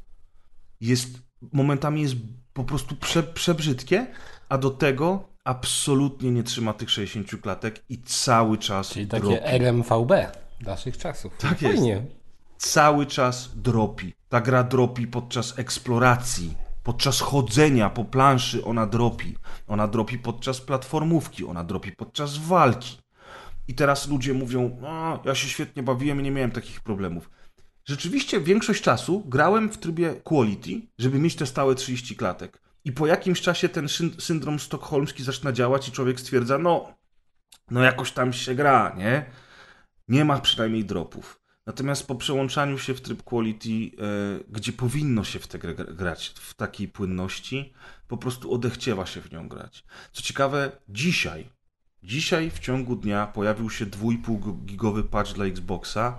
Ja widziałem od trzech tygodni ze trzy maile, które przyszły do nas na rozgrywkę, że pracujemy, poprawiamy, pierwszy patch PC-owy już się pojawił, tu zaraz będzie na konsolach, o, coś Są tam, wysokie tam. oceny pres, nie? Tak. I po trzech, i zaraz powiemy o tym. I po trzech tygodniach ja dzisiaj dostałem nicie na, na Xboxie wreszcie, a gram, odpalam tę grę praktycznie co drugi dzień, czasami codziennie, pogram pół godziny czy coś, mm, bo naprawdę to, jak ona chodzi, po prostu mnie zniechęca. Ja byłem, ja byłem w stanie już powiedzieć, że ja nie będę recenzował tej gry, tak jak powiedziałem, że nie będę recenzował Forspoken, dopóki oni go nie naprawią. Czemu? Fajnie wyszła ta recenzja, mi się podoba. I e, wyszedł ten patch 2,5 giga, włączyłem ten tryb performance i mówię, o, trzyma klatki, nie dropi. Hmm, skacze sobie po tych platformach, nie ma co chwilę przycięć. No nieźle, chyba coś naprawili, a potem w, wpadłem w grupę pięciu przeciwników i się okazało, że teraz w, w, trybie performance walczyć nie da się już kurwa wcale. Bo jak zaczyna się walka, to ten patch coś zepsuł i jest po prostu, jest tak niski framerate, że lepiej sobie komiks poczytać. Będzie więcej emocji niż podczas tej walki. Także sorry, ale gier za 350 zł od dużych wydawców na premierę w takim stanie nie powinno się wydawać. Po prostu. I tak, wiem, można grać w 30 klatkach. W dupę się ugryźcie z tymi 30 klatkami. To jest raz, a poza tym 30 klatek nie poprawia błędów detekcji kolizji, nie poprawia błędów z pracą kamery. Jak w grze, w której walczysz na miecze w stylu, nie wiem, niech wam będzie soulsowym, gdzie masz pięciu przeciwników atakujących cię dookoła i ty musisz zalokować się na tych przeciwnikach, a ta kamera nie jest w stanie intuicyjny i przyjemny sposób pomóc ci w tej walce, więc lepiej bez tego lokowania w ogóle walczyć, czasami często na oślep wręcz, bo przy, przy, tym, co się dzieje, a przy, jeszcze przy tym słabym klatkarzu, to opanowanie pięciu, sześciu, siedmiu przeciwników i kręcenie jeszcze gałką, żeby patrzeć dookoła siebie, co się dzieje, no to, no to jest mało przyjemne, no. Więc kurczę, ja bym chciał być zachwycony tą grą, bo ona ma w sobie bardzo, bardzo dużo dobrego. Ale od trzech tygodni na hasło Jedi Survivor mi się włącza, kurczę, y, y, flashback z Wietnamu. Po prostu. Czyli generalnie lepiej zagrać w Die by the Sword i... Tak jest. Lepiej działa. zagrać w Die by the Sword. No, bo wiecie, tam jest bardzo dużo dobrych rzeczy, ale te wszystkie złe, nie, nie, niepoprawione, niezrobione dobrze rzeczy niwelują całą resztę. I ja wierzę, że na przykład, nie wiem, na PS5 ktoś grał i nie miał takich problemów, a może komuś nie przeszkadza to, że co chwilę przy eksploracji, przy jakimś skoku czy innym głównie ten bohater skręci w inną stronę, albo na przykład przy zejściu e, z pagórka nagle się okazuje, że mm, coś grze się, grze się coś nie spodobało i nagle moja postać stoi przez 3 minuty bez ruchu. Ja nie mogę nic zrobić, bo detekcja kolizji zacięła się z kamieniem, który leżał na dole. I, mój, i moja postać stoi z rozstawionymi rękami. Ja już nie wiem, czy mam resetować grę, czy jeszcze poczekać parę minut, zanim on się skuma, że gramy dalej. I takich momentów mam bardzo dużo. Już nie wspomnę o tym, że na przykład moi towarzysze podczas skakania między platformami y, gubią swoją głowę, która pojawia się za ich plecami. Kurwa, to jest gra za 350 zł, to, to jest ta brutalność no. właśnie. No tak, to jest ta brutalność. Nie mogli inaczej, to zrobili tak presję. Więc Kas, powiedz mi, skąd tak wysokie oceny od recenzentów ja nawet na nie premierę? wiem, nie wiem jakie są oceny. Ta gra ma średnią ocenę 8 na 10. To jest bardzo to, wysoka ocena. To jest wysoka ocena dzisiaj. Oj, Kas, oczywiście. No właśnie to... pewnie przez te wady, o których mówisz, nie ma 9 na 10, tylko 8. Tylko, że dla ciebie to są wady, które mm, wskazują bardziej na 6 na 10, a dla większości na 8. No. Czy dla mnie, to są, dla mnie to są wady, które po prostu nie pozwalają mi przyjemnie y, czerpać radości z grania, z obcowania z tą grą. Ja naprawdę, gdyby nie ten patch dzisiaj, to już byłem w stanie powiedzieć przepraszam, odmawiam omówienia tej gry, dopóki ona nie zostanie naprawiona. I jestem ciekaw, skąd tyle ludzi tak, znaczy okej, okay, PC-ciarze prawdopodobnie, którzy mają super mocne kompy, jakoś tam sobie ustawili te ustawienia graficzne, zaktualizowali, zaktualizowali, za, Niektórzy mają RTX-y dla biedaków. No, ale wiesz, na tych RTX-ach dla biedaków też na pewno im to dobrze śmiga, zwłaszcza, że jak Deusz dzisiaj sam powiedział, e, ktoś wprowadził już DLSS 3 do gry, nie? Dobrze tak, mówię? Tak, tak, tak, jest. No. Nieoficjalny mod. Więc ja wierzę, że są ludzie, którzy, którzy, którzy na PC sobie śmigają. Ja wierzę w to, że są ludzie, którzy grają Nie, ona podobno klatkach. dużo lepiej gra na PC działa no. niż na konsoli. Ale tam to nie jest nawet kwestia samej wydajności tej gry. Tam są inne rzeczy, które są problematyczne. No dobra, no czyli produkt, który powinien zostać wydany za pół roku. No, tak, myślę, że tak. Wiesz, nawet takie pierdoły jak to, że ten twój robocik, który wszystko co chwilę chce skanować i na przykład albo y, wychodzisz y, nad kanionem i masz piękną panora panoramę, jakąś taką pustynną i chcesz, i tam wtedy jest takie coś jak to, to jest chyba obserwuj, ale to chodzi o to, że ten nasz bohater, jak klikniemy przycisk, to, to on skomentuje coś, nie? Albo powie na przykład o, o dalszej części naszej misji, którą teraz robimy. A ten robocik coś tam zeskanuje. A bardzo często jest tak, że ta gra na chwilę tylko ci pokaże ten przycisk, że masz go wcisnąć, ale natychmiast znika i musisz podejść, cofnąć się krok do przodu, krok do tyłu. O jest, a zniknął. No dobra, jeszcze krok do tyłu, staje się bokiem. No, teraz mogę wcisnąć guzik. Znowu, mówimy o grze za 350 zł, a nie o jakimś early access od małego studia. No, no więc ja już przestanę się tutaj purtać, bo chyba wszyscy już wiedzą o co mi chodzi.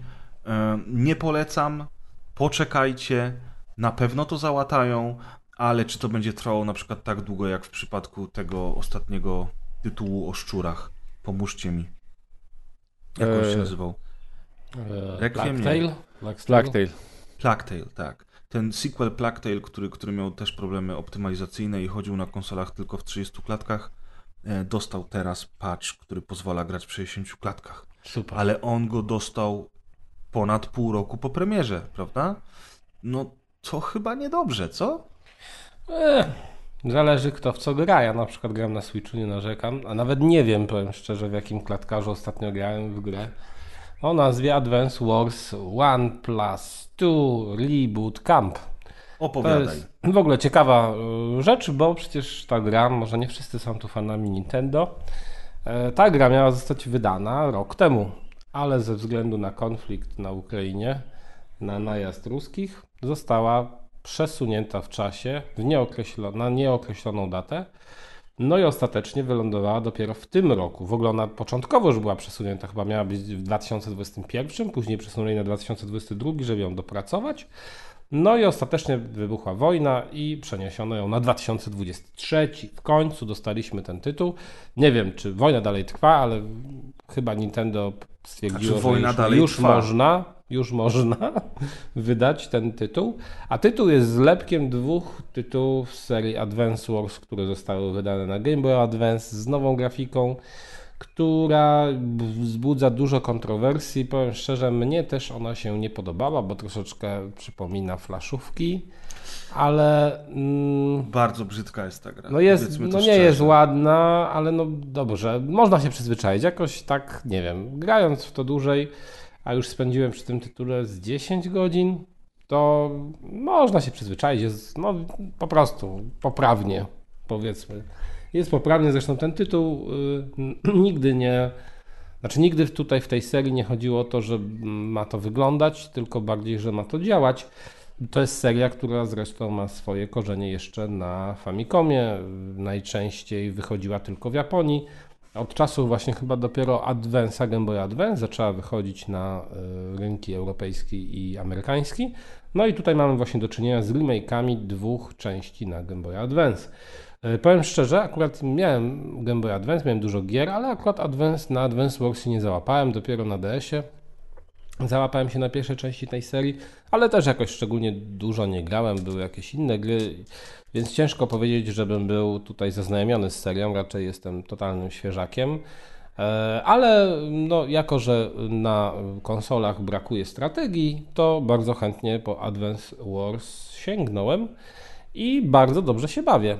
Ta gra, mimo tego, że już ma 20 lat, ponad 20 lat na karku, przynajmniej ta pierwsza część, y, no cały czas się sprawdza jako świetny tytuł do rozegrania kilku strategicznych partii. Y, ja na ten moment jestem, no nie wiem, może z 75% mam tej pierwszej gry. E, do tej drugiej jeszcze nie dotarłem, bo tam e, nawet sama gra sugeruje, że lepiej poczekać, żeby ukończyć fabułę jedynki, dopiero zabrać się za dwójkę. E, więc bardziej będę mówił o jedynce, czy w ogóle o jedynce, bo o dwójce nawet nie wiem co powiedzieć. Ale też, no, jak zacząłem grać i widzę tę fabułę, no to po prostu, no wiecie, nie ma się czym przejmować, można dwójkę odpalać, bo tutaj naprawdę fabuła jest podana w sposób szczątkowy i to jest bardziej tak, to, taki komediowy obraz wojny. Naprawdę nie ma się pewnie, no nie wiem, chyba, że później jakiś twist fabularny jest na końcu, ale nie chcę mi się w to wierzyć. Niemniej, y, jak ta gra działa? To jest strategia turowa, w której poruszamy jednostkami y, ludzkimi, jak i, jak i jednostkami wyposażonymi w sprzęty takie jak czołgi. Mamy kilka rodzajów y, właśnie tego typu narzędzi broni. Mamy też jakieś samochody rozpoznawcze, mamy samoloty, mamy łodzie, mamy łodzie podwodne, mamy artylerię, także wszystkie narzędzia, które się przydają w każdej wojnie. I muszę Wam powiedzieć, że całkiem zgrabnie to wszystko zostało przemyślone. Cała plansza jest podzielona na e, kwadraty. Po kwadratach się poruszamy, można sobie podświetlić nasze jednostki, widać ile możemy poruszyć się kwadratów, jaki jest zasięg naszej broni. Przeciwnik, e, możemy podejrzeć też, e, jaki zasięg jest przeciwnika. Każda z armii jest sterowana przez generała i to jest taki twist w tej serii, że generał ma specjalne umiejętności, czy tam dowódca tej, tego oddziału danego ma specjalne umiejętności. My możemy z tych umiejętności od czasu do czasu korzystać w grze jak napełni się taki właściwy pasek umiejętności, to wtedy możemy z niej skorzystać. No i każda z postaci, w pewnym momencie możemy ich wybrać kilku, y, ma inne umiejętności. Oczywiście przeciwnicy też mają takich dowódców. No więc to troszeczkę urozmaica zabawę. Na przykład my możemy sobie odnowić jednostki. Zresztą to jest tak podane, że jakby widzimy y, jednostkę, powiedzmy żołnierza i tak naprawdę tutaj mamy 10 żołnierzy, a oni dobiegają sobie do tej krateczki przy innym żołnierzu wroga i odpala się animacja, w której widzimy pojedynek między tymi żołnierzami. Oczywiście wszystko to jest mm, dobrze przemyślane, bo Warunkiem zwycięstwa jest rzeczywiście strategiczne myślenie, wykorzystywanie przewag w postaci chociażby terenu, czy ustawianie swoich jednostek gdzieś na wzgórzach, albo odpowiednie dobranie jednostek do przeciwnika, czyli jeżeli widzimy, że mm, no nie wiem, pędzi na nas czołg, to raczej nie idziemy e, na czołg z karabinami, tylko staramy się go zwalczyć w inny sposób. Odpowiednie ograniczanie terenu przeciwnikowi, czyli na przykład wystawienie jakiegoś ciężkiego sprzętu na most, żeby przeciwnik nie mógł tego mostu przekroczyć, a my tymczasem walimy do niego z artylerii. To wszystko jest fajnie, zgrabnie przemyślane. To jest, to jest bardzo proste z jednej strony, a z drugiej strony moim zdaniem właśnie ta gra nie jest wcale aż taka łatwa. Być może ja też nie mam doświadczeń za dużo teraz ze strategiami, bo nie gram na PC, tylko na konsolach, ale moim zdaniem Nikt ona nie, nie jest, jest wcale kazie. łatwa. Zresztą sami chyba twórcy stwierdzili, że ta gra nie jest dla wszystkich, a być może, no nie wiem, celowali w dzieci i można sobie Celowali przedstawić... w dzieci? Y, no, to tak y, no, powiedzmy. Czołgi i łodzie podwodne. No i można zmienić sobie poziom trudności. Czyli y, jest taki klasyczny, on ma odpowiednikiem być właśnie tego oryginalnego z Game Boy Advance.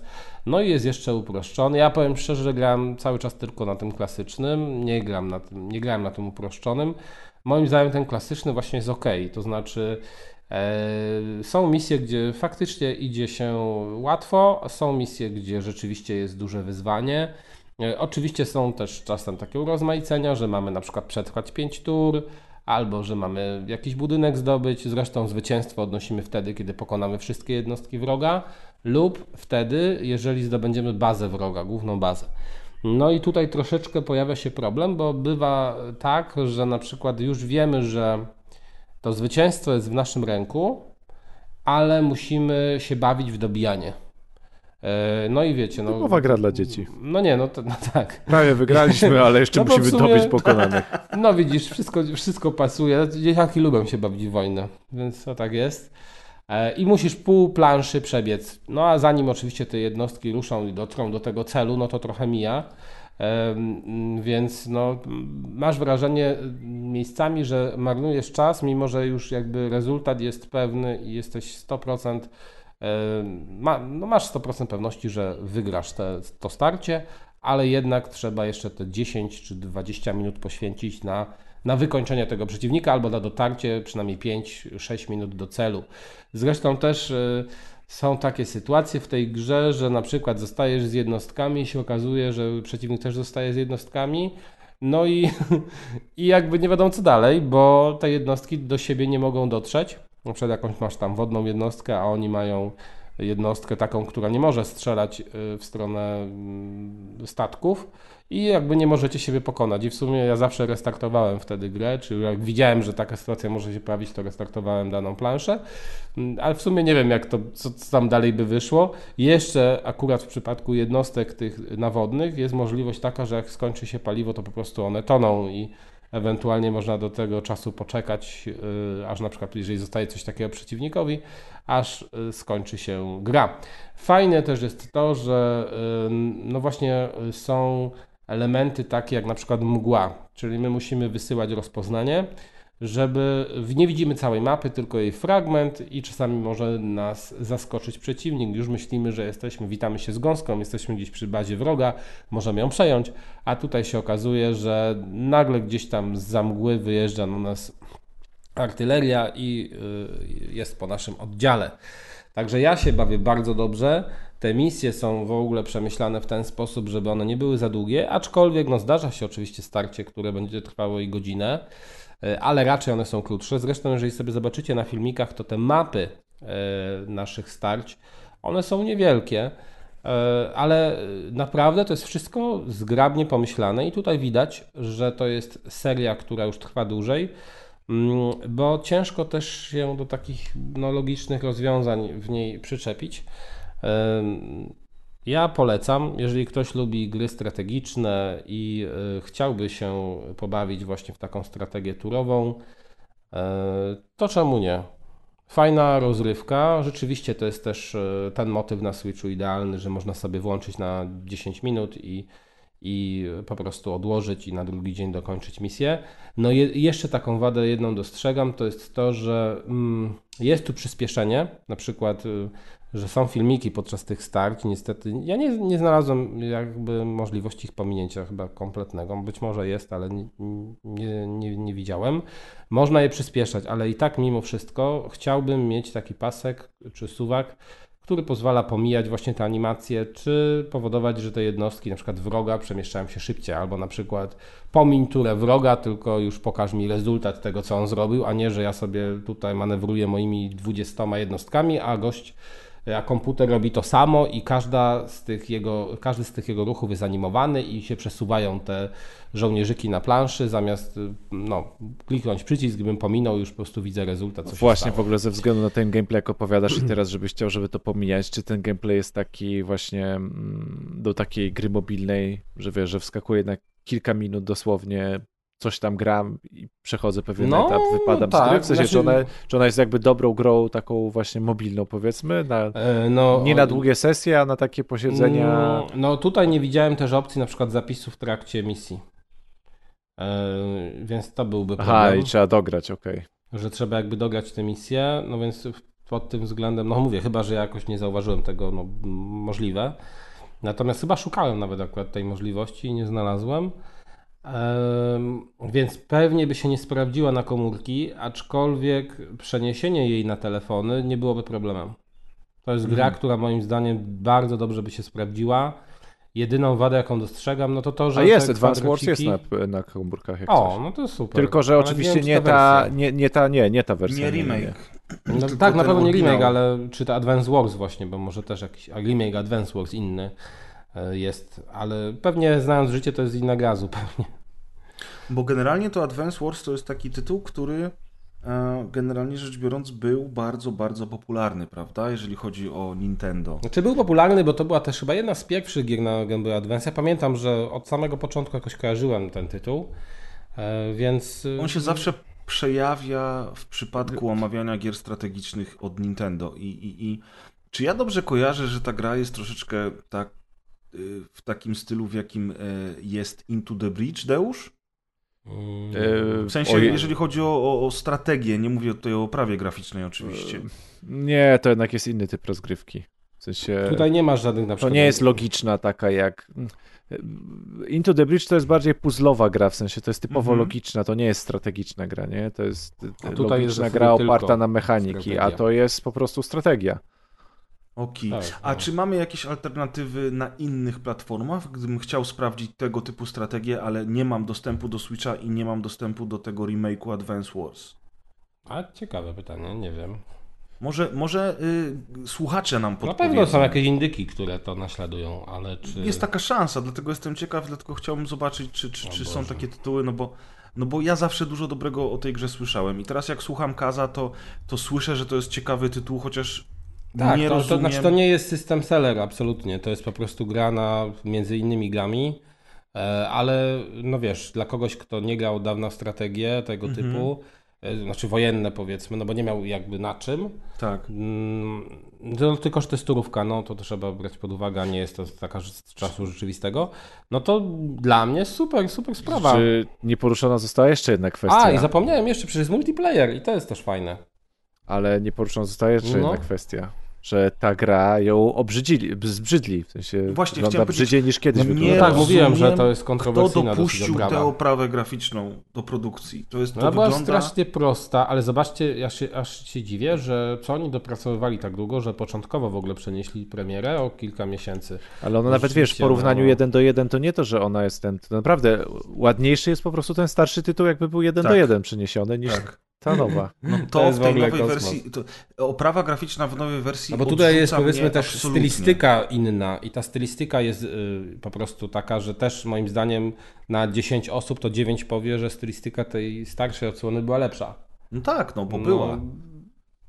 Dziwny wybór, akurat w ogóle to jest śmieszne, bo biorąc pod uwagę to, jak Nintendo robi gry, jak one wyglądają, to raczej to jest zawsze top.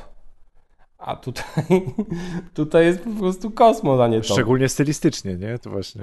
No to- właśnie, to- nie wiem, zawsze to jest jakieś kolorowo, coś, a tutaj jest to takie mdłe, te kolory są takie No, no wyprane. Kaz, y, cytując ciebie No właśnie, nie samego wydaje ci- sprzed godziny, czy tam i- sprzed ilu, po prostu badziew goni badziew, no. A nie uważasz właśnie, że ona tak wygląda trochę zachodnio, że jest taka ugładzona, jakaś A taka... mi się wydaje, że może, obła? że może właśnie, no nie wiem, czy to jest dobry trop, że może właśnie ma trafić do odbiorców takich, którzy grają też na komórkach, no nie wiem, bo tak trochę... E, Ale ma trochę vibe, rzeczywiście. Teraz, jak zawsze, zwykle się z tobą nie zgadzam, jak mówisz o flaszówkach i o grach na komórki, to rzeczywiście ma trochę taki vibe e, takiej typowej gry z komórki, co się reklamy wyświetlają wszędzie w internecie, jakichś takich gier.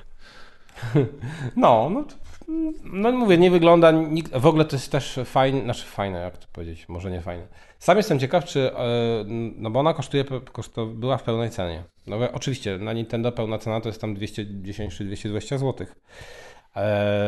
I za tyle ją można dzisiaj też nabyć. I jestem ciekaw, czy to będzie ta jedna z tych niewielu, które będą taniały, czy jednak pozostanie na tym pułapie, bo są takie gry Nintendo rzeczywiście, czasami nawet ciężko trafić, które, trudno trafić, które, Yy, chociażby Metroid był taki odrem, bodaj, ja, któryś Metroid na Wii, że on bardzo szybko stania i można było kupić za trzy dychy i w sumie nie wiem jaki powód był tego i tak obstawiałbym, że to jest właśnie tytuł, który może stanieć, więc jeżeli ktoś tam poczeka, to być może się uda go gdzieś nabyć e, na jakiejś większej promocji, bo on oczywiście jest i w wydaniu pudełkowym, i w wydaniu cyfrowym, ja akurat na pudełkowe. E, To pudełkowe też na początku, jak to u Nintendo, było wydawane z naklejkami, z plakatem, czyli z takimi dodatkami. Super jest to, że właśnie gry od Nintendo na, w preorderach, czy na samym początku przy premierze są sprzedawane z tymi dodatkami. To jest w ogóle dla mnie kosmos, że praktycznie jak patrzę sobie na właśnie preordery gier od tej firmy, to zawsze mogę się spodziewać jakiegoś y, gratisu i super, super sprawa. No ale no, już za dużo się rozwodzimy nad tym tytułem. Ja polecam yy, i no to tyle. To nie jest, mówię, gra na 10, gdzie na 10, na 7, 8, może 6 dla kogoś. Zależy jak to do tego podejdzie, jak ktoś chce się bawi, pobawić strategicznie, yy, trochę czasu spędzić. Muzyka w ogóle też jest fajna, yy, tylko że niestety bardzo powtarzalna. Tam jest chyba jeden motyw czy dwa. Przynajmniej ja tak na razie tyle odkryłem. Więc, no ale nie są one męczące. Fajna giereczka. W ogóle, o, o tym zapomniałem powiedzieć. Jest super tutorial. że w tej grze, yy, i podobno to jest różnica względem tej, tego Advance Wars oryginalnego, że tutorial jest super przygotowany i naprawdę wprowadza nas dokładnie w mechaniki tej gry. Czyli jeżeli ktoś robi tę misję, to możesz mieć pewność, że po tych pięciu, sześciu misjach przynajmniej te podstawy masz opanowane i wiesz, z czym to się je, a nie masz problemu, że a co, ten, co ta jednostka może zrobić na przykład. Albo jak ja mogę rozbudować moją armię. To wiesz, zresztą to wszystko jest stopniowo też wprowadzane, czyli od początku nie możesz budować jednostek, a dopiero z czasem po naprawdę wielu misjach, więc to też moim zdaniem pasuje jak ulał. Y, fajny tytuł. A jeszcze tylko chciałem szybko o jednym tytule powiedzieć, ale to dosłownie trzy minutki. Pamiętacie, na ostatnim odcinku wspomniałem o tym, że na Amidze sobie włączyłem Walkera, czyli taką grę akcji, w której poruszamy się robotem e, przy pomocy klawiszy, ale obracamy jego działko, jest celowniczek przy pomocy myszki. Mhm. I walczymy z małymi postaciami, które cały czas na nas biegną, walczymy z samochodami, z samolotami, z innymi e, różnymi, z końmi nawet. Super ten tytuł, naprawdę jest rewelacyjny, do dzisiaj się w niego gra pięknie. I na Switcha znalazłem tytuł, który się nazywa Walker, w którym też steruję dużym robotem. Też lecą na nas, znaczy pędzą na nas jednostki mniejszych wrogów i też strzelamy przy użyciu, może nie celowniczka, ale no czegoś na kształt celowniczka. Po prostu obracamy działko góra-dół i możemy w ten sposób celować. I Boże, jaka ta gra jest okropna.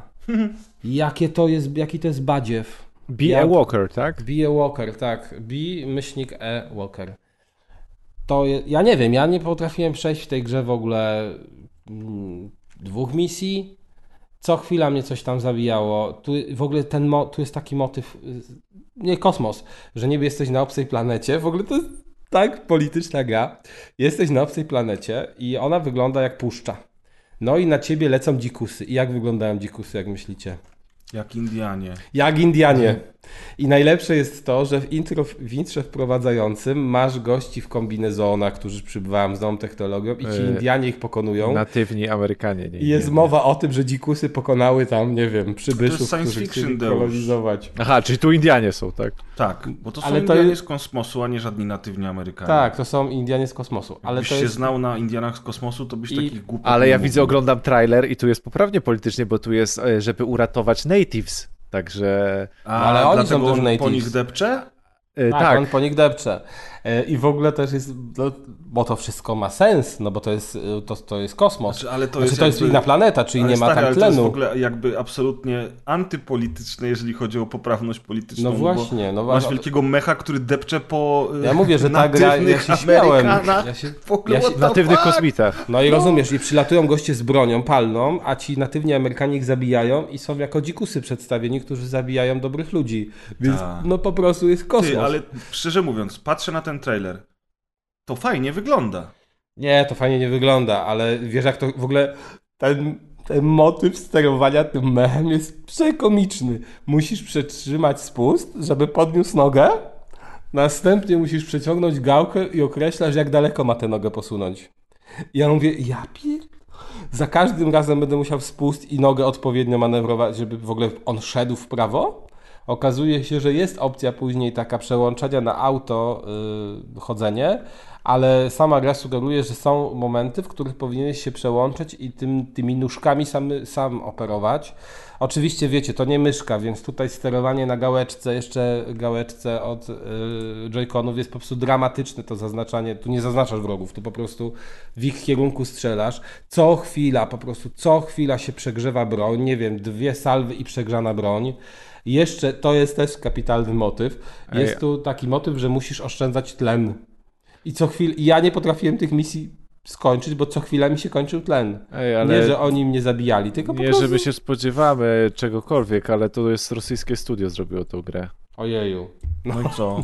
Ale to było chyba, to był już to ta gra dużo wcześniej. Rok. Y, natomiast w ogóle ta gra Dobra. jest na, również na Steamie.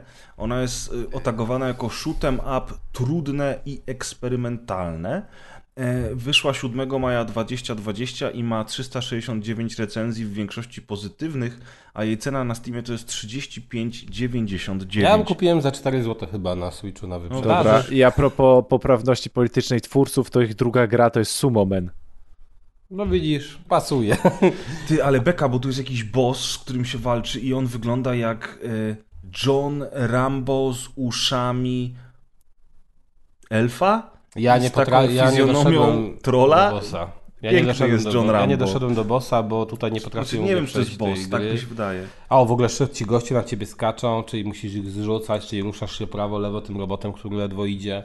Nie, na, mi się dramatycznie grało. Znaczy, wiesz, Bardziej jako no- ciekawostkę rzucam, bo Jest, przypomniałem jest, to, jest to sobie, ciekawostka w sumie i ten system sterowania jestem ciekawy, jak z kolei by się sprawdził na klawiaturze i myszce. Co Mhm. prawda 36 zł za to nie dam, bo mam w co grać. Że... A właśnie, ciekawe, pewnie znacznie lepiej. My, wydaje mi to- się, że na klawiaturze i myszce będzie dużo lepiej, wiesz, a jeżeli mam być szczery, to sam pomysł troszeczkę mnie interesuje. No Szkoda, tak, no że to nie mówię, są Gwiezdne Wojny, bo to powinien być yy, To mogły być Gwiezdne Wojny. ATST, który rozwala Iłoków na Endorze. To by było coś. Bo to tak wygląda w sumie, nie? Albo Jar Jary. Albo Jar Jary, no. Ale słuchajcie, y, natywny, kosmiczny John Rambo jest przepiękny w tej grze. Także bije Walker, sprawdźcie sobie jako ciekawostkę i przy okazji odpalcie prawdziwego Walkera, chociażby na YouTubie. To było cudo. Okej, no ale widzisz, załapałeś się przynajmniej na mini, szybką recenzję kolejnej gry, więc mamy... Ładnie, a Maciek się nie załapał. A Cały Maćkowi dalej nie wstał. No. Właśnie, jeżeli chodzi o Maćka, to, to Maciek napisał, słuchajcie, jeżeli chodzi o taki, y, taki tutaj status tego, co się z Maćkiem dzieje, mm, Maciek napisał, że padł mu MBR. I to trochę potrwa. Ale W związku to z czym raczej oznacza go- pogrzeb, czy nie? Bo ja nie wiem. Co? Czy to oznacza pogrzeb dla tego sprzętu? Ja nie, pierdzielę. Maciek naprawia, wysyła, mm, wysyła Widać, że, zdjęcia, widać, że tworzy dysk zero odzyskiwania. pędziciarscy. MBR, Master Boot Record. No dobrze, no wiem, coś z No dyskiem, dobrze, no ale powiedziałem MBR, no co miałem powiedzieć? no, po polsku. Dawaj. Y, Master, czyli mistrz, Mistrz, boot, czyli boot, boot. czyli rozruch i record Ale but nagrywamy. to też mogą nie, nie, być nie, buty. Master, czyli mistrz, boot, czyli boot, a re, re, rekord, czyli płyta, czyli, czyli, Czyli- mistrz Buta w płycie. płytowych płyta, butów. Mistrz, mistrz płytowych butów. Płyty w co? I co teraz, Deusz? Taki mądry byłeś? No widzisz? I teraz wiesz o co chodzi? Tak, teraz już właśnie wiem. Słuchajcie, to ja mam dla was taką ciekawostkę. W roku 1959 ukazała się książka zatytułowana Kawaleria Kosmosu autorstwa Roberta A. Heinleina. Książkę tę znacie bardziej oczywiście po oryginalnym tytu- tytule, który brzmi Starship Troopers. A znacie ją dlatego nie, że czytaliście tę książkę, bo oczywiście, że jej nie czytaliście, ale w roku 1997 oglądaliście film Żołnierze Kosmosu. No właśnie, bo to i książka była też Żołnierze Kosmosu, w sensie... Kawaleria Kosmosu. Polski Aha, tytuł tej okej. książki to jest Kawaleria Kosmosu. I to był 1959 rok i wiele, wiele, wiele, wiele lat później powstała filmowa adaptacja Żołnierzy Kosmosu, która była kiczowatym gównem, e, które uznawane jest dzisiaj za klasyczny science fiction. Trochę jest w tym racji. Był to bardzo specyficzny film na kanwie bardzo specyficznej książki. I powstały różne inne tam adaptacje filmowe, czy, czy też może powinienem w sumie powiedzieć sequele. Mieliśmy zarówno sequel autorski, aktorski, przepraszam, jak i sequel e, animowany. Gdzieś tam pojawiła się jakaś gra w międzyczasie. I wiele, wiele lat później, w roku 2022, pojawiła się kolejna gra, e, tym razem gra strategiczna Starship Troopers Terran Command. E, Myśmy z Maćkiem grali niewiele, Maćkowi ona się nie podobała, e, mi się całkiem podobała, natomiast ledwo to, co ją liznęliśmy, ona w tej chwili ma y, ponad 6 tysięcy bardzo pozytywnych recenzji na Steamie. To znaczy, że jest dobra.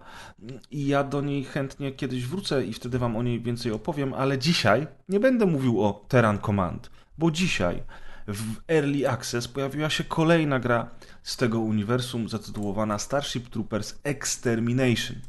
I jest to kooperacyjna gra PvE FPS, tak, cast. Za dużo, za dużo skrótów tu jest. Tak.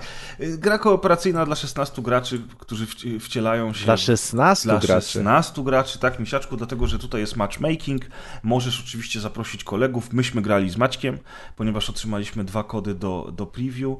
E, e, możesz zaprosić kolegów, ale razem jako drużyna wchodzicie na serwer, na którym jest 16 graczy e, i walczycie z robalami w uniwersum Starship Troopers. Trzy klasy postaci, levelowanie tych postaci, odblokowywanie perków, odblokowywanie gadżetów, odblokowywanie nowych broni. Wszystko to online z ludźmi z całego świata, z którymi będziecie to powstrzymywać inwazję robali. I w praktyce brzmi to świetnie, tym bardziej, że mamy tu też budowanie, rozbudowę bazy. W trybie, który jest dostępny w wersji Early Access, mamy przejmowanie kolejnych punktów strategicznych na mapie, a następnie budowę bazy, którą to musimy przez chwilę bronić do momentu, kiedy przylatuje po nas statek i musimy następnie do niego się dostać i z planety odlecieć.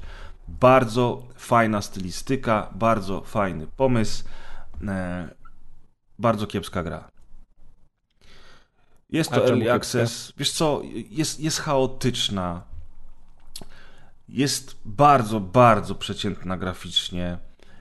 Nie ma tu taki, jakiegoś takiego mięsa płynącego z grania w tę grę. Ona, mimo tego, że ma fantastyczny setting i, i ten setting całkiem dobrze wykorzystuje, to po prostu sprawia wrażenie kolejnej takiej samej gry kooperacyjnej PvE, jakich jest już e, naprawdę, naprawdę wiele. Mm, jeżeli oni czegoś tutaj nie podkręcą, no to, no to ja nie wiem, e, czy, czy, czy ona będzie w stanie mnie osobiście, czy Maćka, bo Maciek jakby był, to wam powiedział to samo co ja, Maćkowi też to się średnio spodobało, czy ona będzie na dłużej przyciągnąć w stanie nas do monitorów. Ona miała premierę wczoraj, w sensie Early Access miał premierę. Early Access i już ma 2351 bardzo pozytywnych recenzji, co oznacza, że ludzie rzucili się na to, bo są wygłodniali e, kawalerii kosmosu i jak widać ludziom się to podoba. Mnie A... i Maćkowi się nie podoba. Nie wiem, czy cię wpycham pod y, pociąg teraz tym pytaniem, czy nie, ale y, jakiego typu to jest Early Access? Y, bo Early Access w tym momencie może wyglądać od tego, że Mamy jedną mapę i dwie bronie, czy mamy prawie skończoną grę i... Mamy jedną mapę e, i jeden tryb gry z trzech, które, które o, czyli to jest z tych early accessów, że to się tak, jeszcze będzie ciągnęło i prawdopodobnie ciągnęło. za półtorej roku albo za dwa lata powiemy, tak. że wyszła wersja 1.0. Tak jest. Są trzy tryby gry. Pierwszy tryb gry to jest właśnie to, co wam opowiedziałem, czyli to przejmowanie punktów strategicznych, a następnie budowa i obrona bazy. Drugi tryb gry jest ukryty, trzeba osiągnąć piąty poziom, żeby móc w niego grać. Myśmy nawet do tego piątego poziomu z Maćkiem nie dotarli. A trzeci tryb gry, który jest w przygotowaniu i obecnie w ogóle nie jest dostępny w grze, to jest po prostu horda, czyli, czyli, czyli budowa mhm. tej bazy i, i obrona Częstochowy w nieskończoność, dopóki nie padniemy. No więc trochę mało, nie? E, jak na grę, która kosztuje w tej chwili 115 zł. Mm, oczywiście można w, kółko grać na tej jednej mapie i, i, strzelać do tych robali, tym bardziej, że to jest tak zrobione, że, że za każdym razem y, spawnujemy się w innej części tej mapy. Ta mapa jest naprawdę duża, więc będziemy walczyć o inne punkty. W innym miejscu będziemy stawiać bazę, w innym miejscu przyleci po nas statek.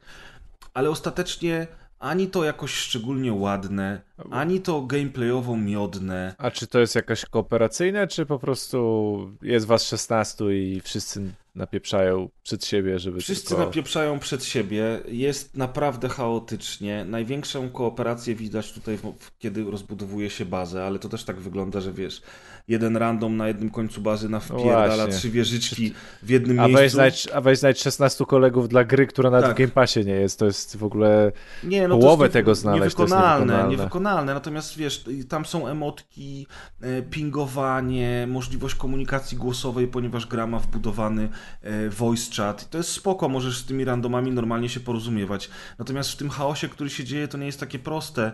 Mm, ale w jakiej że to jest proste, nie? Z randomami się... Tak, wiesz, ogólnie rzecz biorąc to jest naprawdę prosty pomysł na grę i bardzo prosta rozgrywka, w związku z czym tutaj yy, nie potrzeba wielkiej filozofii. No ale niestety no nie zrobiła na nas ta gra zbyt dobrego wrażenia, ale, ale ponieważ jest to dopiero pierwszy dzień Early Accessu, no to wstrzymamy się z ocenianiem tej produkcji, zobaczymy e, jak to będzie wyglądać e, w wersji 1.0, prawda? Mhm. No i to jeszcze pewnie poczekamy długo, coś czuję, jak skoro to jest taki Early Access. Tak, też mam wrażenie, że trochę poczekamy, natomiast fajnie, że coś tam zaczyna się dziać z tym uniwersum Starship Troopers i, i, i, i, i że no po prostu y, to uniwersum nadal żyje, bo to jest ciekawe uniwersum. Ten pomysł, ten klimat, e, to wszystko, te robale, naprawdę, naprawdę fajne, ale gdzieś tu w tej grze mi na razie braknie emocji po prostu, nie? A w tego typu grze to przede wszystkim o emocje chodzi, nie? Powiedzieć ci o grze, w której będą emocje? Oczywiście, opowiadaj. Ostatnio zdarzyło mi się zagrać w tytuł, który się nazywa bardzo ładnie Neodori Forever. Mm, w sumie nawet nie wiem, może ktoś mi rozjaśni, o co chodzi z tym tytułem. Nie, no co? dobrze przeczytałeś chyba ten. No nie, ja dobrze, no Neodori. Co to Neodori? Bo może... Pojęcia nie mam, co to jest Neodori, misiaczku. No, to jednak nie wyjaśnicie. Deusz, przecież ty zawsze takie rzeczy wyjaśniasz, to może wiesz. Dobrze, to ty mów, a ja się zastanawiam, czy moje wyjaśnienie jest odpowiednio dobre, a ty mów sobie spokojnie. Dobrze. w każdym razie, to jest gra z tych, które dobrze wyglądają. I to jest gra z tych, które są tanie. Ostatnio przecież mamy cykl graj tanio z kazem. Były takie gry jak na przykład Lunystys czy Tori Lee. Tym razem jest Neodory Forever, który można wyrwać na promocji nawet właśnie za 4-5 zł na Nintendo. Co ciekawe, to jest giereczka, która pojawia się też na Androidzie, na Microsoft Windows, na Mac OS, moi drodzy, a nie pojawiła się na żadnej innej konsoli poza Switchem. To jest ciekawe, przynajmniej z tego, co tutaj wskazuje mi Google. E, I to jest gra, która jest w stylistyce też podobnej do właśnie Lunystys, czyli takie low poly, przypominającej nieco pierwsze PlayStation. Ja się zajarałem tym, bo na ostatnim odcinku mówiłem e, Wam, że czytam teraz Initial D, czyli taką mangę o samochodach i właśnie pewna Toyota jest jakby głównym bohaterem tej mangi. No i właśnie tutaj na trailerze tej gry zauważyłem, że ten pojazd bardzo przypomina tę Toyotkę.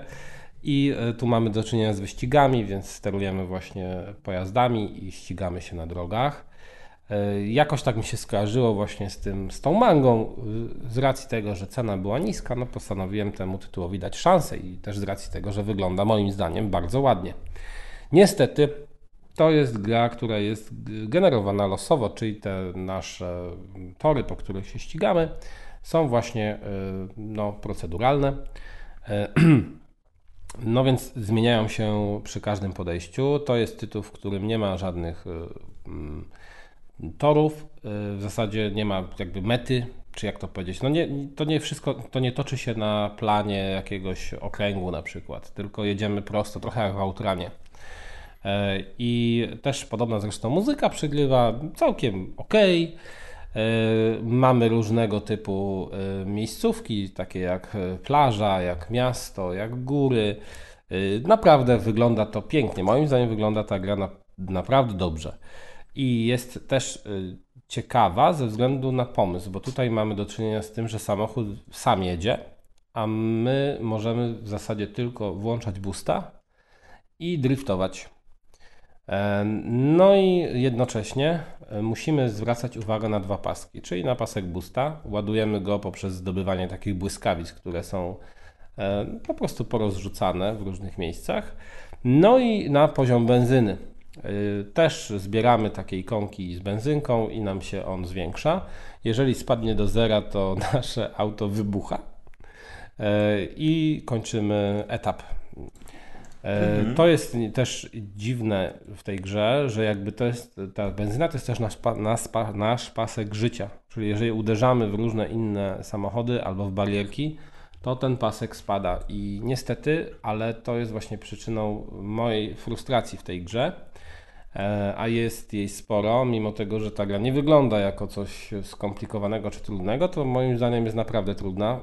Tym bardziej właśnie, że te levele są generowane losowo, więc nawet nie możesz się nauczyć schematu danego etapu. Jeszcze mamy policję, czyli jeżeli wjedziemy w taki znaczek, który położony jest na drodze, e, z wykrzyknikiem zaczyna nas gonić policja. Oczywiście to wygląda też biednie, bo po prostu goni nas radiowóz i stara się jakby w nas wjechać, żebyśmy utracili nieco energii, a my musimy go ominąć. Też dla urozmaicenia e, pod koniec niektórych etapów mamy pojedynki z innymi ścigantami. No i te pojedynki do tej pory, mimo że wygrałem chyba 7, 8, nie rozumiem na czym polegają. To znaczy nie wiem, kiedy zwyciężam, a kiedy, kiedy przegrywam, to wiem. Zbyt daleko jestem od tego drugiego, przeci- znaczy od tego przeciwnika. Ale kiedy wygrywam, nie wiem. Wydawało mi się na początku, że może muszę go wyprzedzić. Jak go wyprzedzę, to z automatu zwyciężam, ale nie. Widocznie ta gra jakoś na tak rozumuje, że musisz go wyprzedzić i jakiś czas być przed nim i w pewnym momencie ten twój rywal mówi, dobra, odpuszczam, jesteś lepszy. I to w ten sposób wygląda. No i w, mówię, fajnie, fajnie w ogóle gra się prezentuje. Ma niezłą muzykę. To poczucie driftu, w ogóle poczucie pędu jest dobre. Yy, jak obejrzycie sobie zwiastuny na YouTubie, to pomyślicie, kurczę, naprawdę super y, szpil do pogrania, jeszcze na dodatek tani. Y, o, zdobywamy też monetki. Pod, możemy zdobywać monetki, które tutaj się walają i za 300 monetek możemy odblokować kolejne auta, które niczym się nie różnią poza wyglądem, skórkami. No ale fajnie, fajnie jest to rozwiązane, to są, to są jakby niespodzianki, czyli my tak naprawdę widzimy cienie tych aut, które są do odblokowania otwieramy pudełko i któreś z nich losowo wyskakuje. Mm, e, to takie, no wiecie, urozmaicenie, ale nie zmienia nic gameplayowo. E, no ale właśnie, to odbijanie się po bandach. Niekiedy te nasze trasy są bardzo wąskie. E, czy jest tutaj też ruch uliczny? Czyli bywa, że jeżeli wjedziemy na zły pas, to naprawdę czasami uniknięcie zderzenia jest, no graniczy z cudem. Czyli najlepiej w ogóle jechać zawsze po pasie, akurat nie wiem dlaczego to jest ruch lewostronny, czy po tym właściwym, bo ryzyko uderzenia jest mniejsze, a jeżeli taki gong zaliczymy, to już można powiedzieć, że połowa benzyny zleci. No i właśnie, poszukiwanie tych ikonek benzyny jest strasznie irytujące, bo mm, ma ta gra dosyć daleki dystans, znaczy widać to, co się dzieje na dalekim dystansie, czyli teoretycznie widzisz, że jest ikonka benzyny i wiesz mniej więcej, jak tutaj ją zdobyć, no ale bardzo często one są rozmieszczone też na zakrętach, które wchodzimy driftem, bo inaczej po prostu walniemy na 100% w barierkę. Jeżeli wchodzimy w to driftem, to nie jesteśmy w stanie określić, nie widzimy tej ikonki benzyny, gdzie ona w danym momencie się znajduje. A kiedy już ją dostrzegamy, to odbicie w jej stronę jest praktycznie niemożliwe. Czyli niektóre etapy ja zaliczałem po prostu przypadkiem, że powiedzmy dotarłem do mojego rywala za pierwszym razem, a y, przegrałem z nim pojedynek, musiałem ten etap jeszcze raz zaliczyć, bo tak to niestety jest tu skonstruowane. No i nie udawało mi się przez kolejne 10, 10 podejść bo akurat benzyna była tak rozmieszczona na zakrętach, zakręty tak wąskie, że co chwila w coś uderzałem i po prostu ginąłem. Więc y, kurczę, szkoda. Y, I w sumie odkryłem niewiele w tej grze. Tam jest chyba 40 tych etapów, czy 30 parę. Ja może, ja, no, może z połowę miałem, y, czy może trochę więcej, ale no nie wszystkie. A szkoda, bo te miejscówki są naprawdę urokliwe i chętnie bym zobaczył ich więcej. No ale niestety chyba już nie dam rady bo zwyczajnie nie za mocno, za bardzo ta gra frustrowała. Ona, z tego co pamiętam, ma całkiem niezłe oceny. Być może po prostu ten model driftu nie jest dla mnie, a ktoś jak to rozkmini, będzie mu łatwiej, bo tutaj jest bardzo czułe to auto, czyli dosłownie naciśnięcie przycisku, lekki kierunek gałką i już zaczynasz driftować.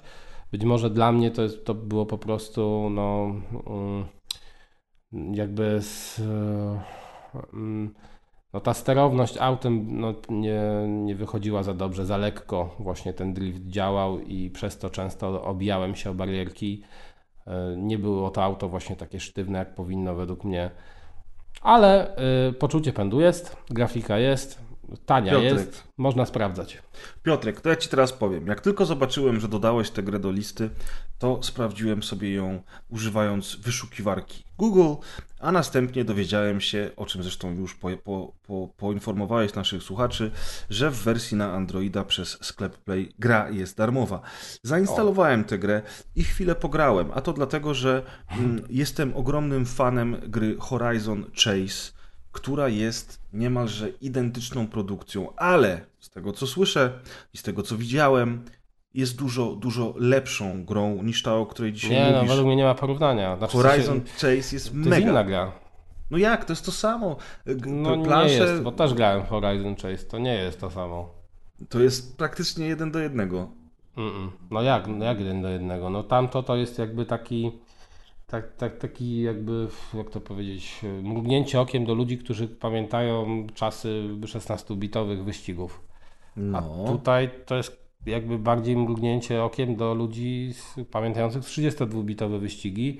I jeszcze tutaj ta kwestia przyspieszania tego driftu, no inny zupełnie feeling outa. W ogóle bym tego nie porównywał. No ten feeling auta jest tragiczny po prostu w Neodori, ale to nie jest kwestia tego, że te gry są inne, tylko tego, że w Neodori to jest słabo zrobione.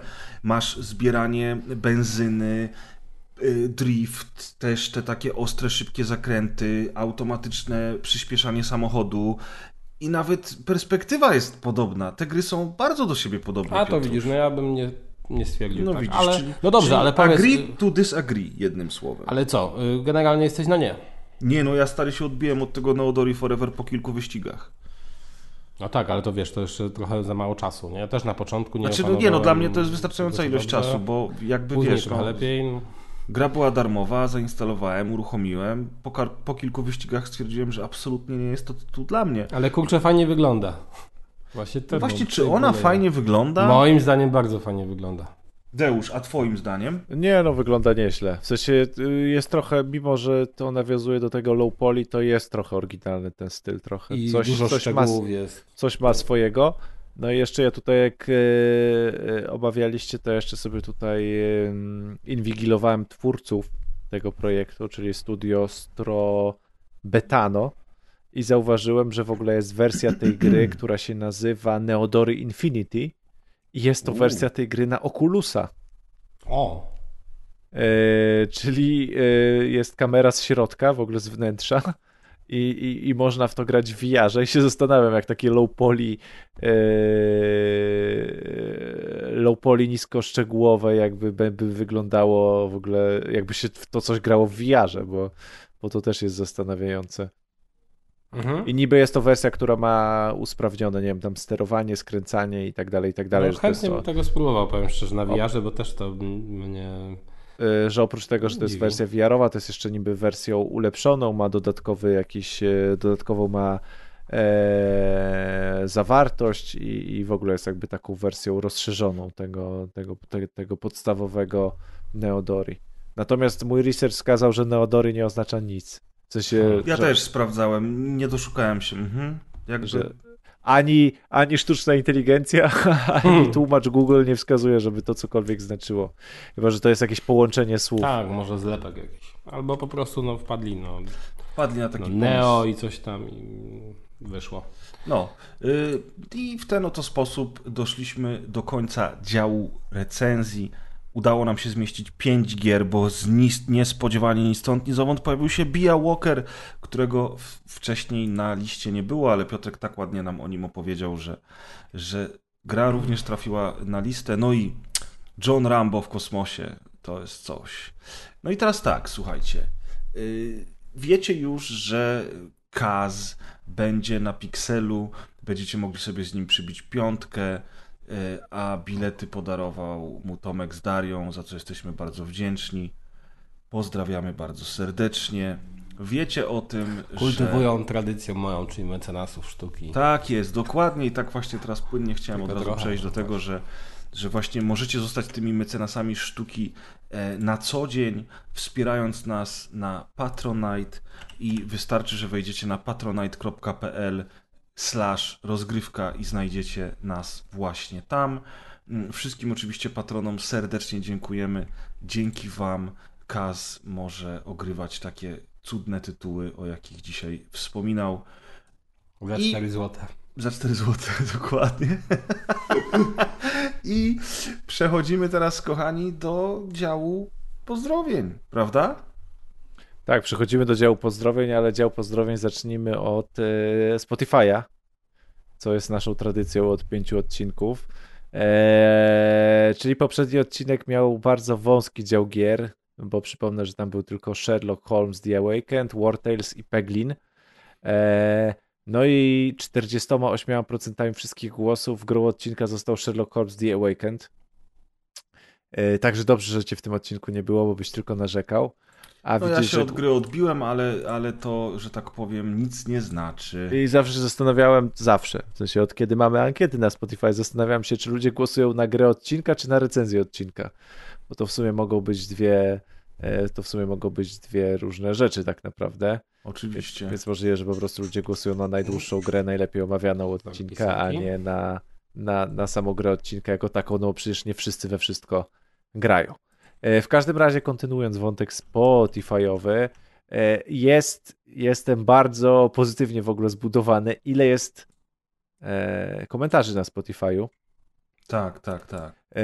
I mimo, że komentarze są lekko moderowane, bo na wszelki wypadek, jeśli piszecie brzydkie rzeczy albo dużo przekleństw, to na wszelki wypadek część komentarzy jest lekko monitorowanych ponieważ Spotify spycha na nas, na jako twórcach, od, odpowiedzialność za to, co się dzieje w komentarzach.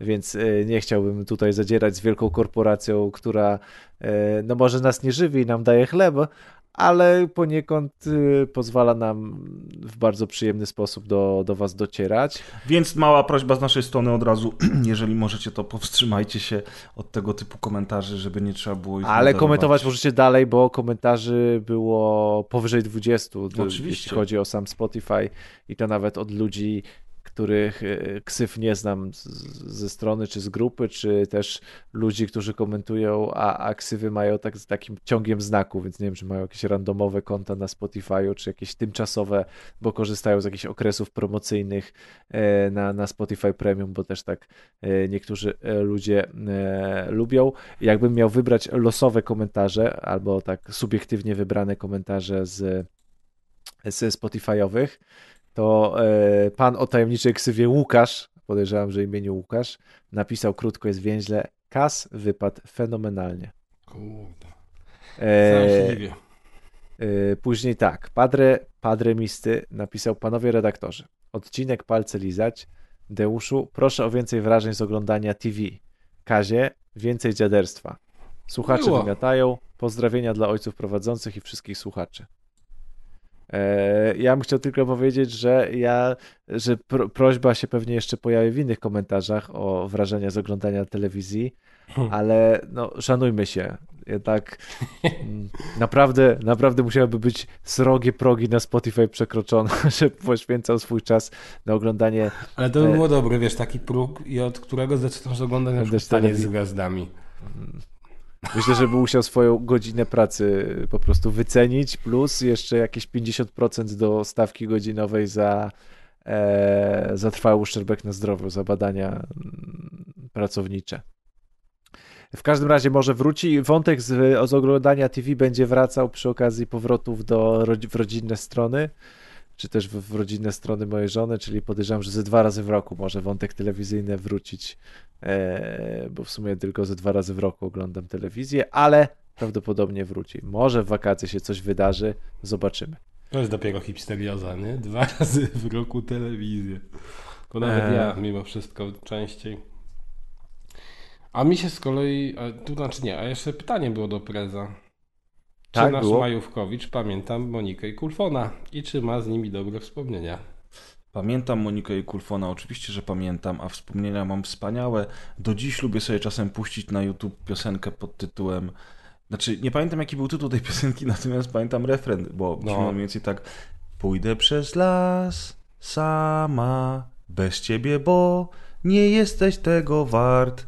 Uwielbiam. Także Przez park to brzmi przez jak las? Takie, jak wiesz, jak sobie laska słucha na rozstaniu, nie? Kocham. Kulfon i Monika coś pięknego, także tak, oczywiście, że tak. Nie no, motyw tytułowy z Kulfoną i Moniki już z tego ich programu jest kapitalny, do dzisiaj można posłuchać. Tak, yy, z Kawen z kolei... czego wstydzić.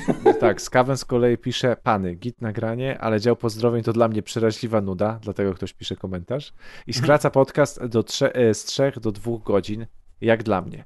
I tu bym chciał tylko powiedzieć, że E, ja rozumiem Skawena, bo też bym się zastanawiał, czy bym słuchał działu pozdrowień, ale z drugiej strony jeśli spojrzymy na statystyki, które są dostarczane, no na przykład przez Spotify'a, e, które nam pokazują, kiedy słuchacze przestają słuchać odcinków, czyli pokazują to e, tą wytrwałość, czyli jeśli ktoś odpali odcinek, to w którym momencie wyłącza, to powiem wam, że wbrew pozorom E, nie ma jakiegoś w ogóle piku, jeśli chodzi o pozdrowienia. Raczej, e, raczej ta tendencja, do kiedy dosłuchujecie, jest w miarę stała i, i to jest w sumie też dla nas zaskoczeniem i między innymi dlatego też cały czas mamy te pozdrowienia i te pozdrowienia wróciły, bo one się statystycznie słucha, e, statystycznie się mm, dobrze mm, słuchają. Co tu jeszcze? Marcin Kurek napisał, że Peglin na komórce to jest przecież jakaś czarna dziura. Dwa rany za mną, a dopiero z roboty wychodzę. Świetny odcinek. Także mówiłem, że, że na Peglina trzeba uważać. E, Lukas napisał Kaz, że pomysł z grami na Saturna bardzo fajny.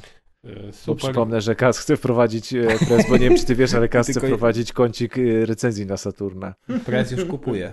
Ja ale jedna osoba Koniecznie, tego tak jest, to, jest to kącik, którego brakowało. Tak, y, tak. Podoba, podoba, podoba mi się jeszcze komentarz. E... Aha, tu jeszcze Koroch pisze, że chcemy kącik Deusz ogląda telewizję, ale to już mówiłem, że chyba za bardzo czenie swój czas.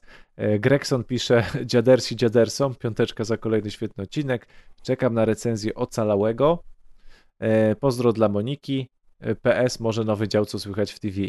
Widzę, że się ludzie domagają tych recenzji. Nowe działy, tak. Same, same nowe działy. Recenzje gier na Saturna i co słuchać w telewizji to brzmi jak fantastyczny pomysł. tak. Ale na rozwój. Napisał taki fajny komentarz, że więcej działów niż gier, ale kurczę. no i bardzo dobrze, to znaczy, że jest dywersyfikacja. Y, dywersyfikacja, interdyscyplinarność, albo też modne słowo kiedyś było transdyscyplinarność. E, Draco Last Dragon napisał e, też e, ciekawy komentarz, bo słucham was panowie w autobusie, im dłużej gadacie, e, tym lepiej. Prowadzę autobusy nocne w Warszawie i wasz humor jest mega zajebisty. Brakuje mi tylko omawiania gier MMORPG, których jestem fanem. No, to o, niestety nie u nas. Zaczynamy. Ale tak. wyobrażasz sobie, że być kierowcą autobusu nocnego, zresztą pozdrawiamy, E, w Warszawie i nie dość, że musisz po prostu tych pijanych studentów i mm. Brytoli, albo może już teraz nie Brytoli, nie wiem, Niemców, rozwozić po prostu po tej Warszawie, którzy ci burdy robią w tym autobusie, tam zażegują i w ogóle krzyczą i jeszcze z drugiej strony na drugie ucho se wrzucasz nas, tak? Także naprawdę warunki pracy, mm, warunki pracy iście e, nie do pozazdroszczenia. Ale zobaczcie, Adam Żal na przykład też jest kierowcą, tylko tym razem jest, jeździ na ciężarówkach i 4 lata już jest z nami. No i zdarzyło mu się nawet 10 godzin non-stop nas słuchać. To jest dopiero poświęcenie. Zrobiliśmy już razem 700 tysięcy kilometrów. No ładnie, o, to może panie. ja powinienem dostać teraz prawo jazdy za to. No to właśnie. Ej, Powinienem, wiesz, Idź od prezydenta do... miasta dostać honorowe prawo jazdy. Idź do Wordu, tak. Ile słuchaczy? Łącznie wszystkich słuchaczy byśmy podliczyli, ile jechali. Ale my możemy ci takie honorowe wydrukować. takie to ja sobie mogę sam wydrukować, wiesz. Takie tak, jeszcze, może jeszcze, jeszcze obok komentarzy, które mówią super robota, e, i jakieś takie pomniejsze komentarze typu prez wracaj, które są mało istotne. E, jeszcze chciałbym tylko zauważyć, że E, słuchaczka, nie wiem czy nasza, e, Karolina Kocik, chyba pomyśli, pomyliła podcasty, bo napisała było super, bardzo merytorycznie. No też to mnie zdziwiło. To zawsze dziwi, jak ludzie piszą, że jest merytorycznie, prawda? I nie wiem, właśnie mógł się ktoś pomylić, także mm, Karolino, jeśli jesteśmy na ty, albo pani Karolino, jeśli nie jesteśmy na ty, e, pomyliłaś się pisząc komentarz. Chciałaś koment skomentować go prawdopodobnie u... A może to taki żarcik był? Innego. A może?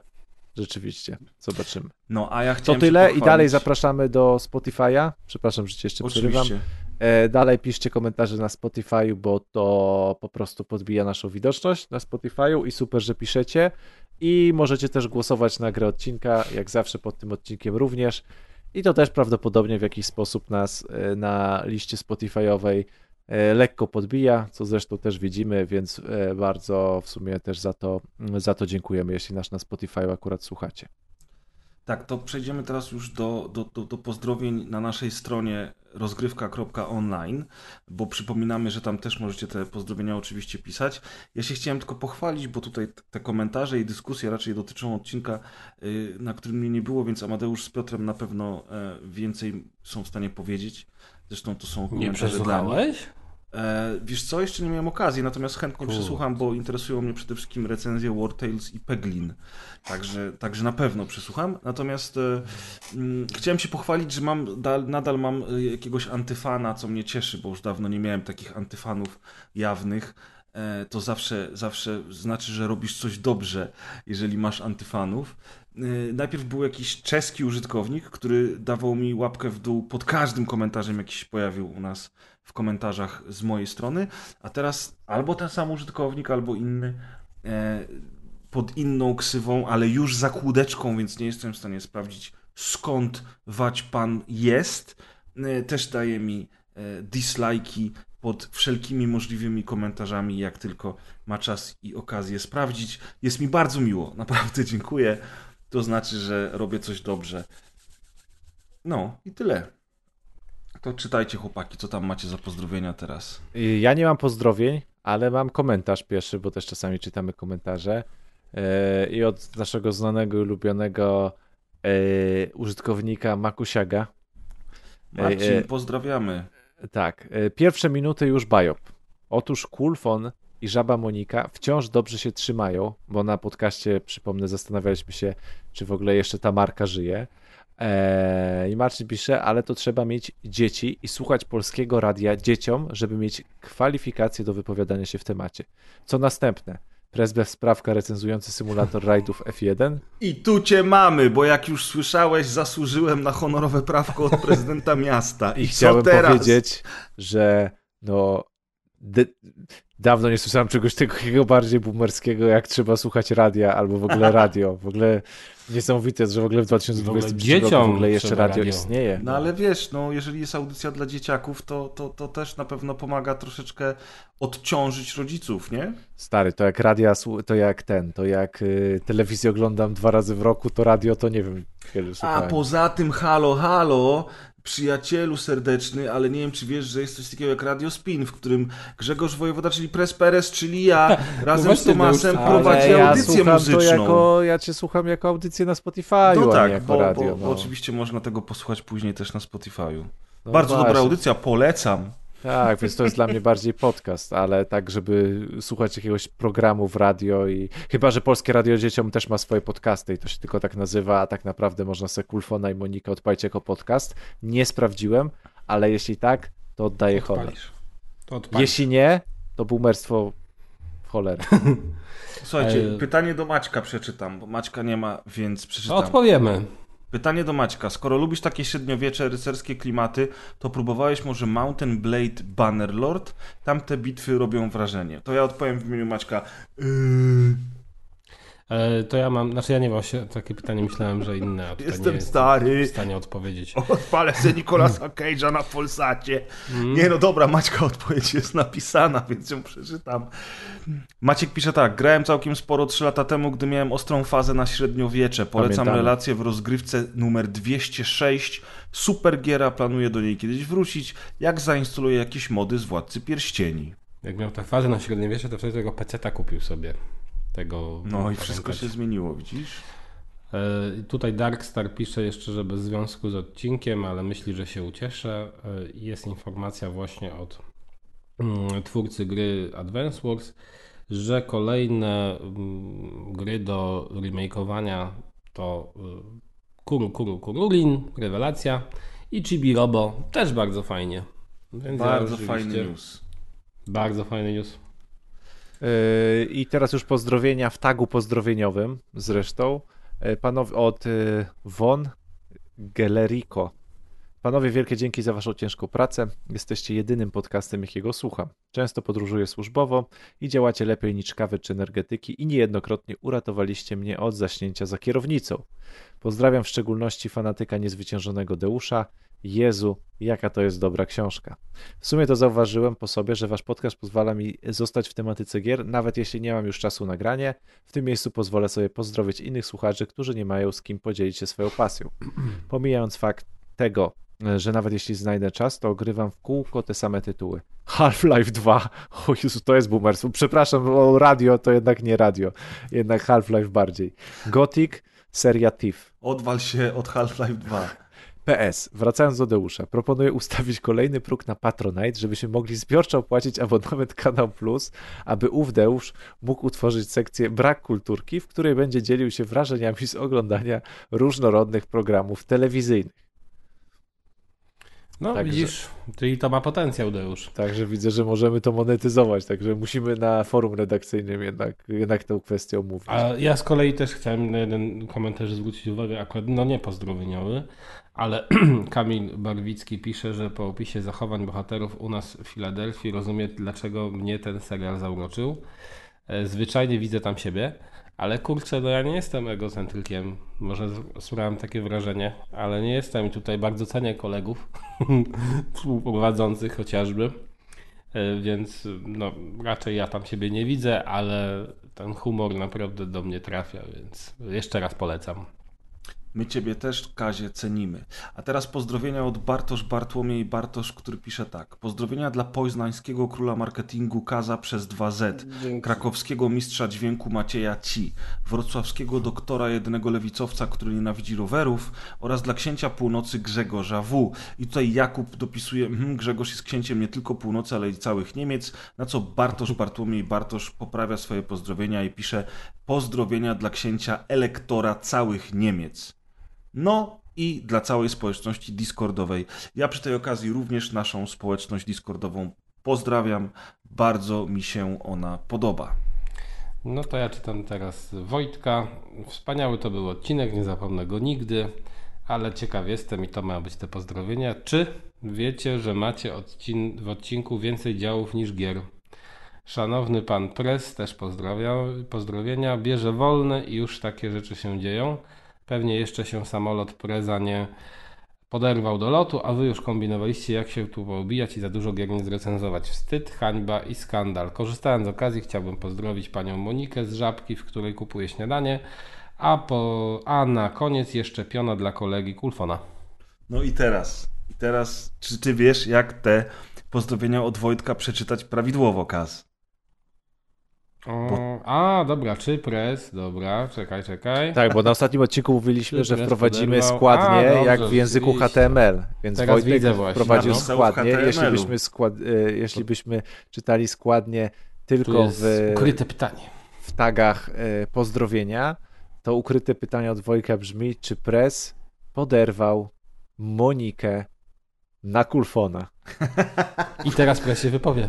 Y, y, tak, jedną Monikę tak, dawno Ale temu, wiesz, ale, ale peak or did it happen? była taka Monika i faktycznie, faktycznie odpowiedź brzmi twierdząco, drogi Wojtku, chociaż było to już lata temu. Kulfon E, preza. Deusz, Artur Kang, czyli jeden z naszych mecenasów zresztą.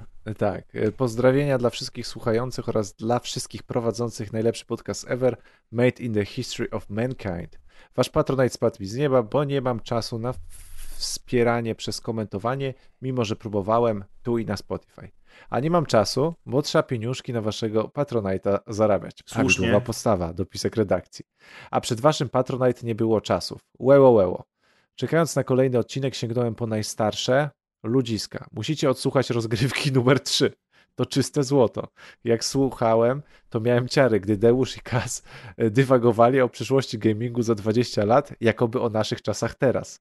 Lowciam was z całego serduszka, pozdrawiam z Danii. Pozdrawiamy również. Nostradamusy. Triad pisze pozdrowienia. Pozdrawiam całą rozgrywkową ekipę, a w szczególności Deusza. Po przesłuchaniu wszystkich odcinków udało mi się zapisać znaczną część opowiadanych przez niego żartów, z powodu których ówcześni prowadzący swego czasu zrywali boki ze śmiechu z doktorem na czele. Z ciekawości sprawdziłem skąd Deusz mógłby je brać i dokonałem szokującego odkrycia.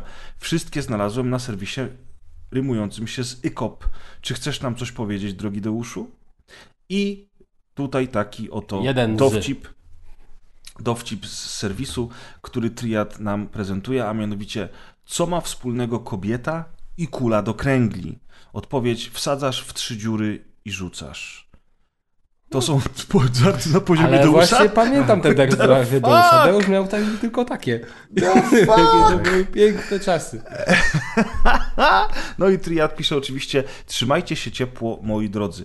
Również bardzo serdecznie Wie, pozdrawiam. wiem, że to, wiem, że to niektórych ludzi może zaskoczyć, ale Kiedyś jak byłem się młody. nagrywa 13 lat, to jednak i świat się zmienia, i się poglądy zmieniają, I dowcipy. i Czy dowcipy również, same? tak. A to teraz ja, tak? Tak I jest. śmieszą nas różne rzeczy. Mm, No okej. No ale powiedzmy sobie szczerze, pan, ten dowcip jest dobry. Pozdrowienia. To taki właśnie typ Deusza. Pozdrowienia. Pozdrawiam od Krzysztofa Kłosowskiego.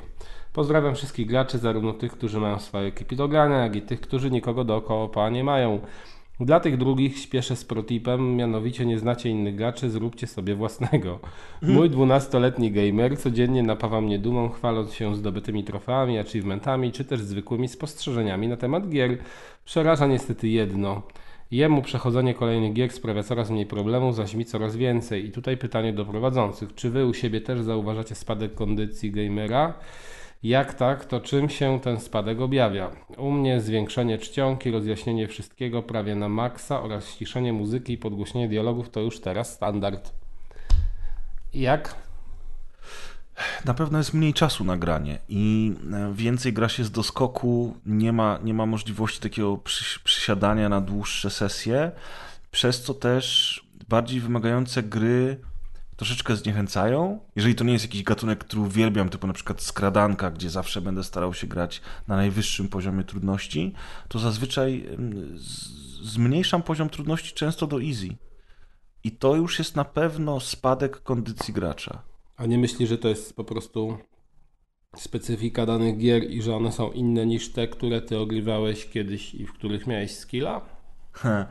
Może. Bo ja na przykład, no nie wiem, Soulsy nie za bardzo umiem Soulsy grać, ale dawniej takich gier to po prostu nie było, więc... um, Tak, ale w Soulsach nie da się zmienić poziomu trudności, hatfu. y, No tak, E, tak, tak. Nie, wiesz co, mi się wydaje, że to jest jedno i drugie. Tak samo jak, wiesz, kiedyś, kiedyś rozbudowane RPG typu Fallout, czy, czy, czy, czy, czy Lionheart Legacy of the Crusader chociażby, to były gry, przy których się spędzało dziesiątki, jak nie setki godzin, był na to czas. A w tej chwili, jak ja słyszę, że jakaś gra ma 80 godzin, to ja jestem przerażony. Deusz, przeszedłeś Valhalla? Nie. No właśnie, no właśnie, nie? I to jest to. Yy, tak, yy, no to prawda, ale w ogóle no jakby konsumowanie też popkultury się zmienia, więc wiesz, to jakby tyczy się wszystkiego, także A mnie się wydaje na przykład, że gry generalnie rzecz biorąc nie są trudniejsze, ale mnie osobiście większe wyzwanie sprawia to, żeby je kończyć chyba. I to nie dlatego, że właśnie mam problem e, z gameplayowo, tylko dlatego, że jest wiele rzeczy, które mnie do tego zniechęca. No, na przykład właśnie takie Assassin's Creed. Ja w zasadzie żadnego Assassina nie ukończyłem, a próbowałem chyba czterech.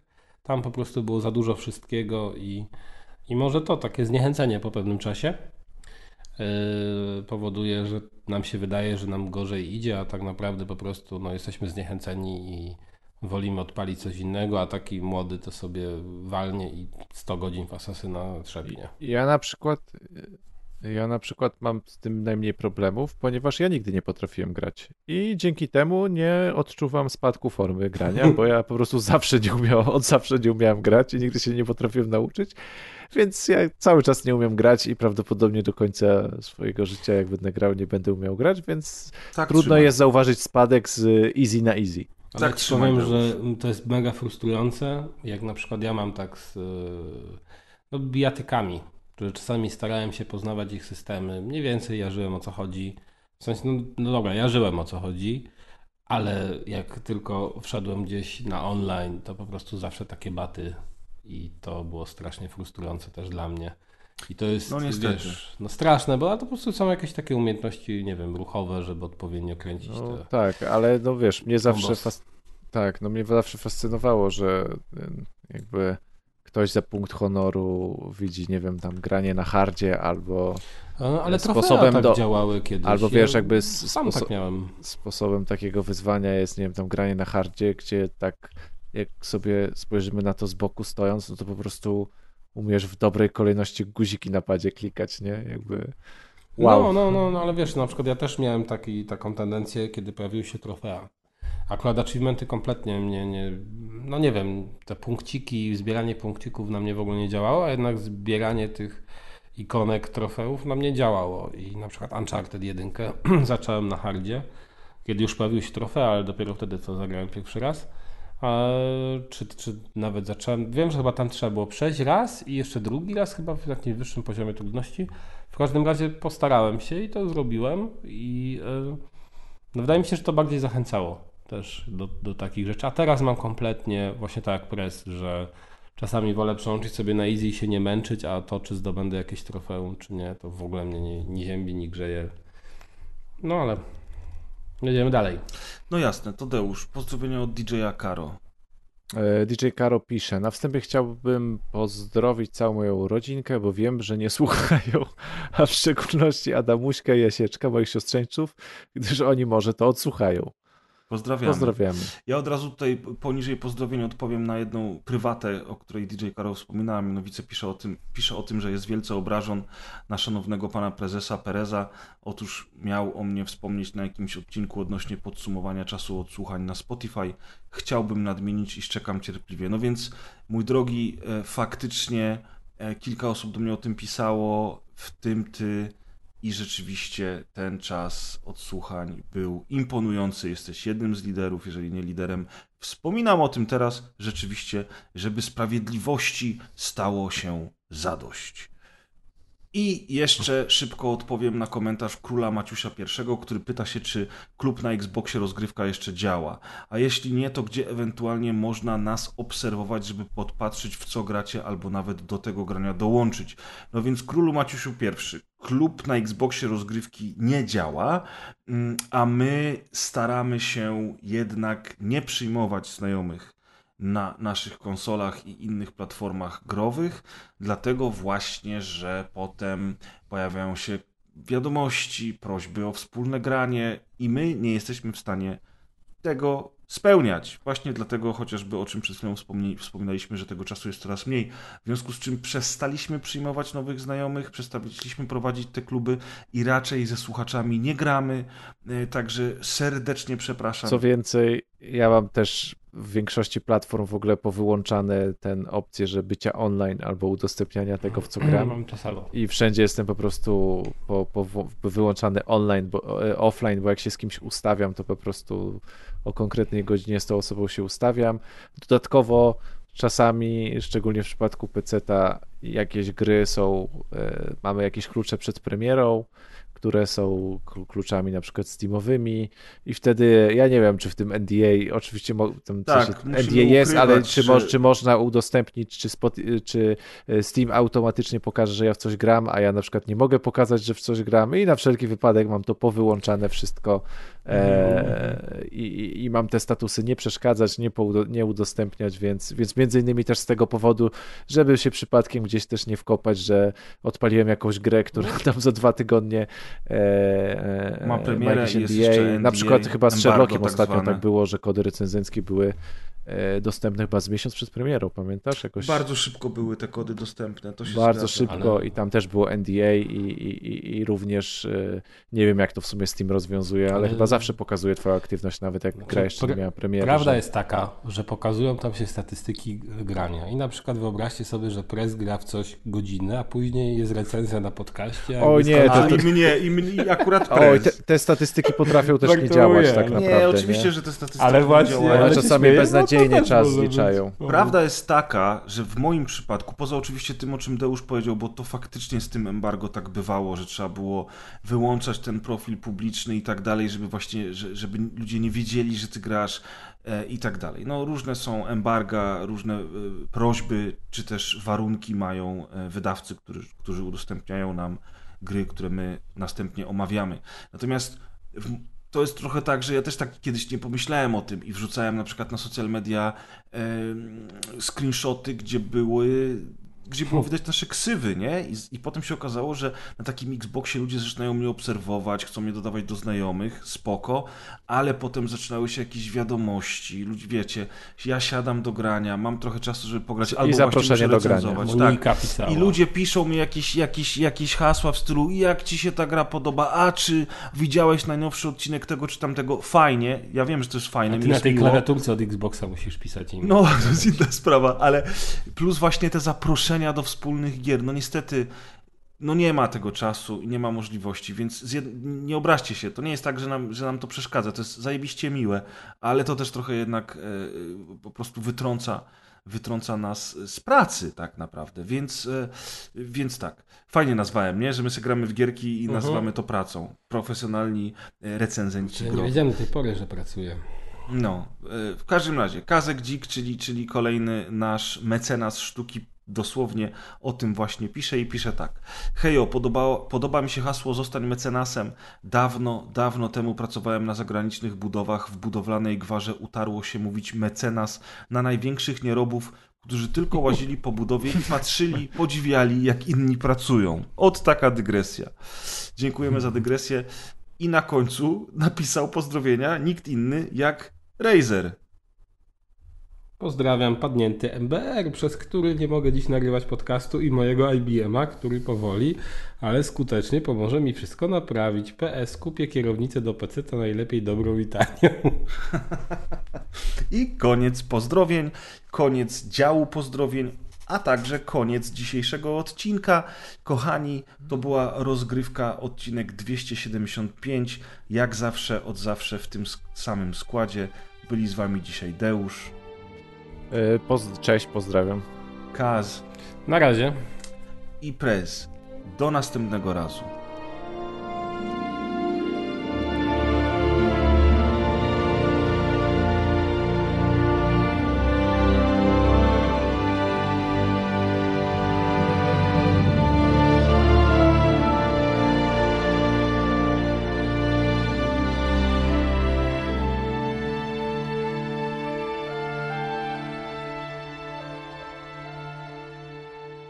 Zapomniałem, co się mówi na pożegnanie. Cześć. Możemy, ale tak. E, cześć? Nie, czekaj, nie, cześć się mówi na powitanie. Dobrze, było miło.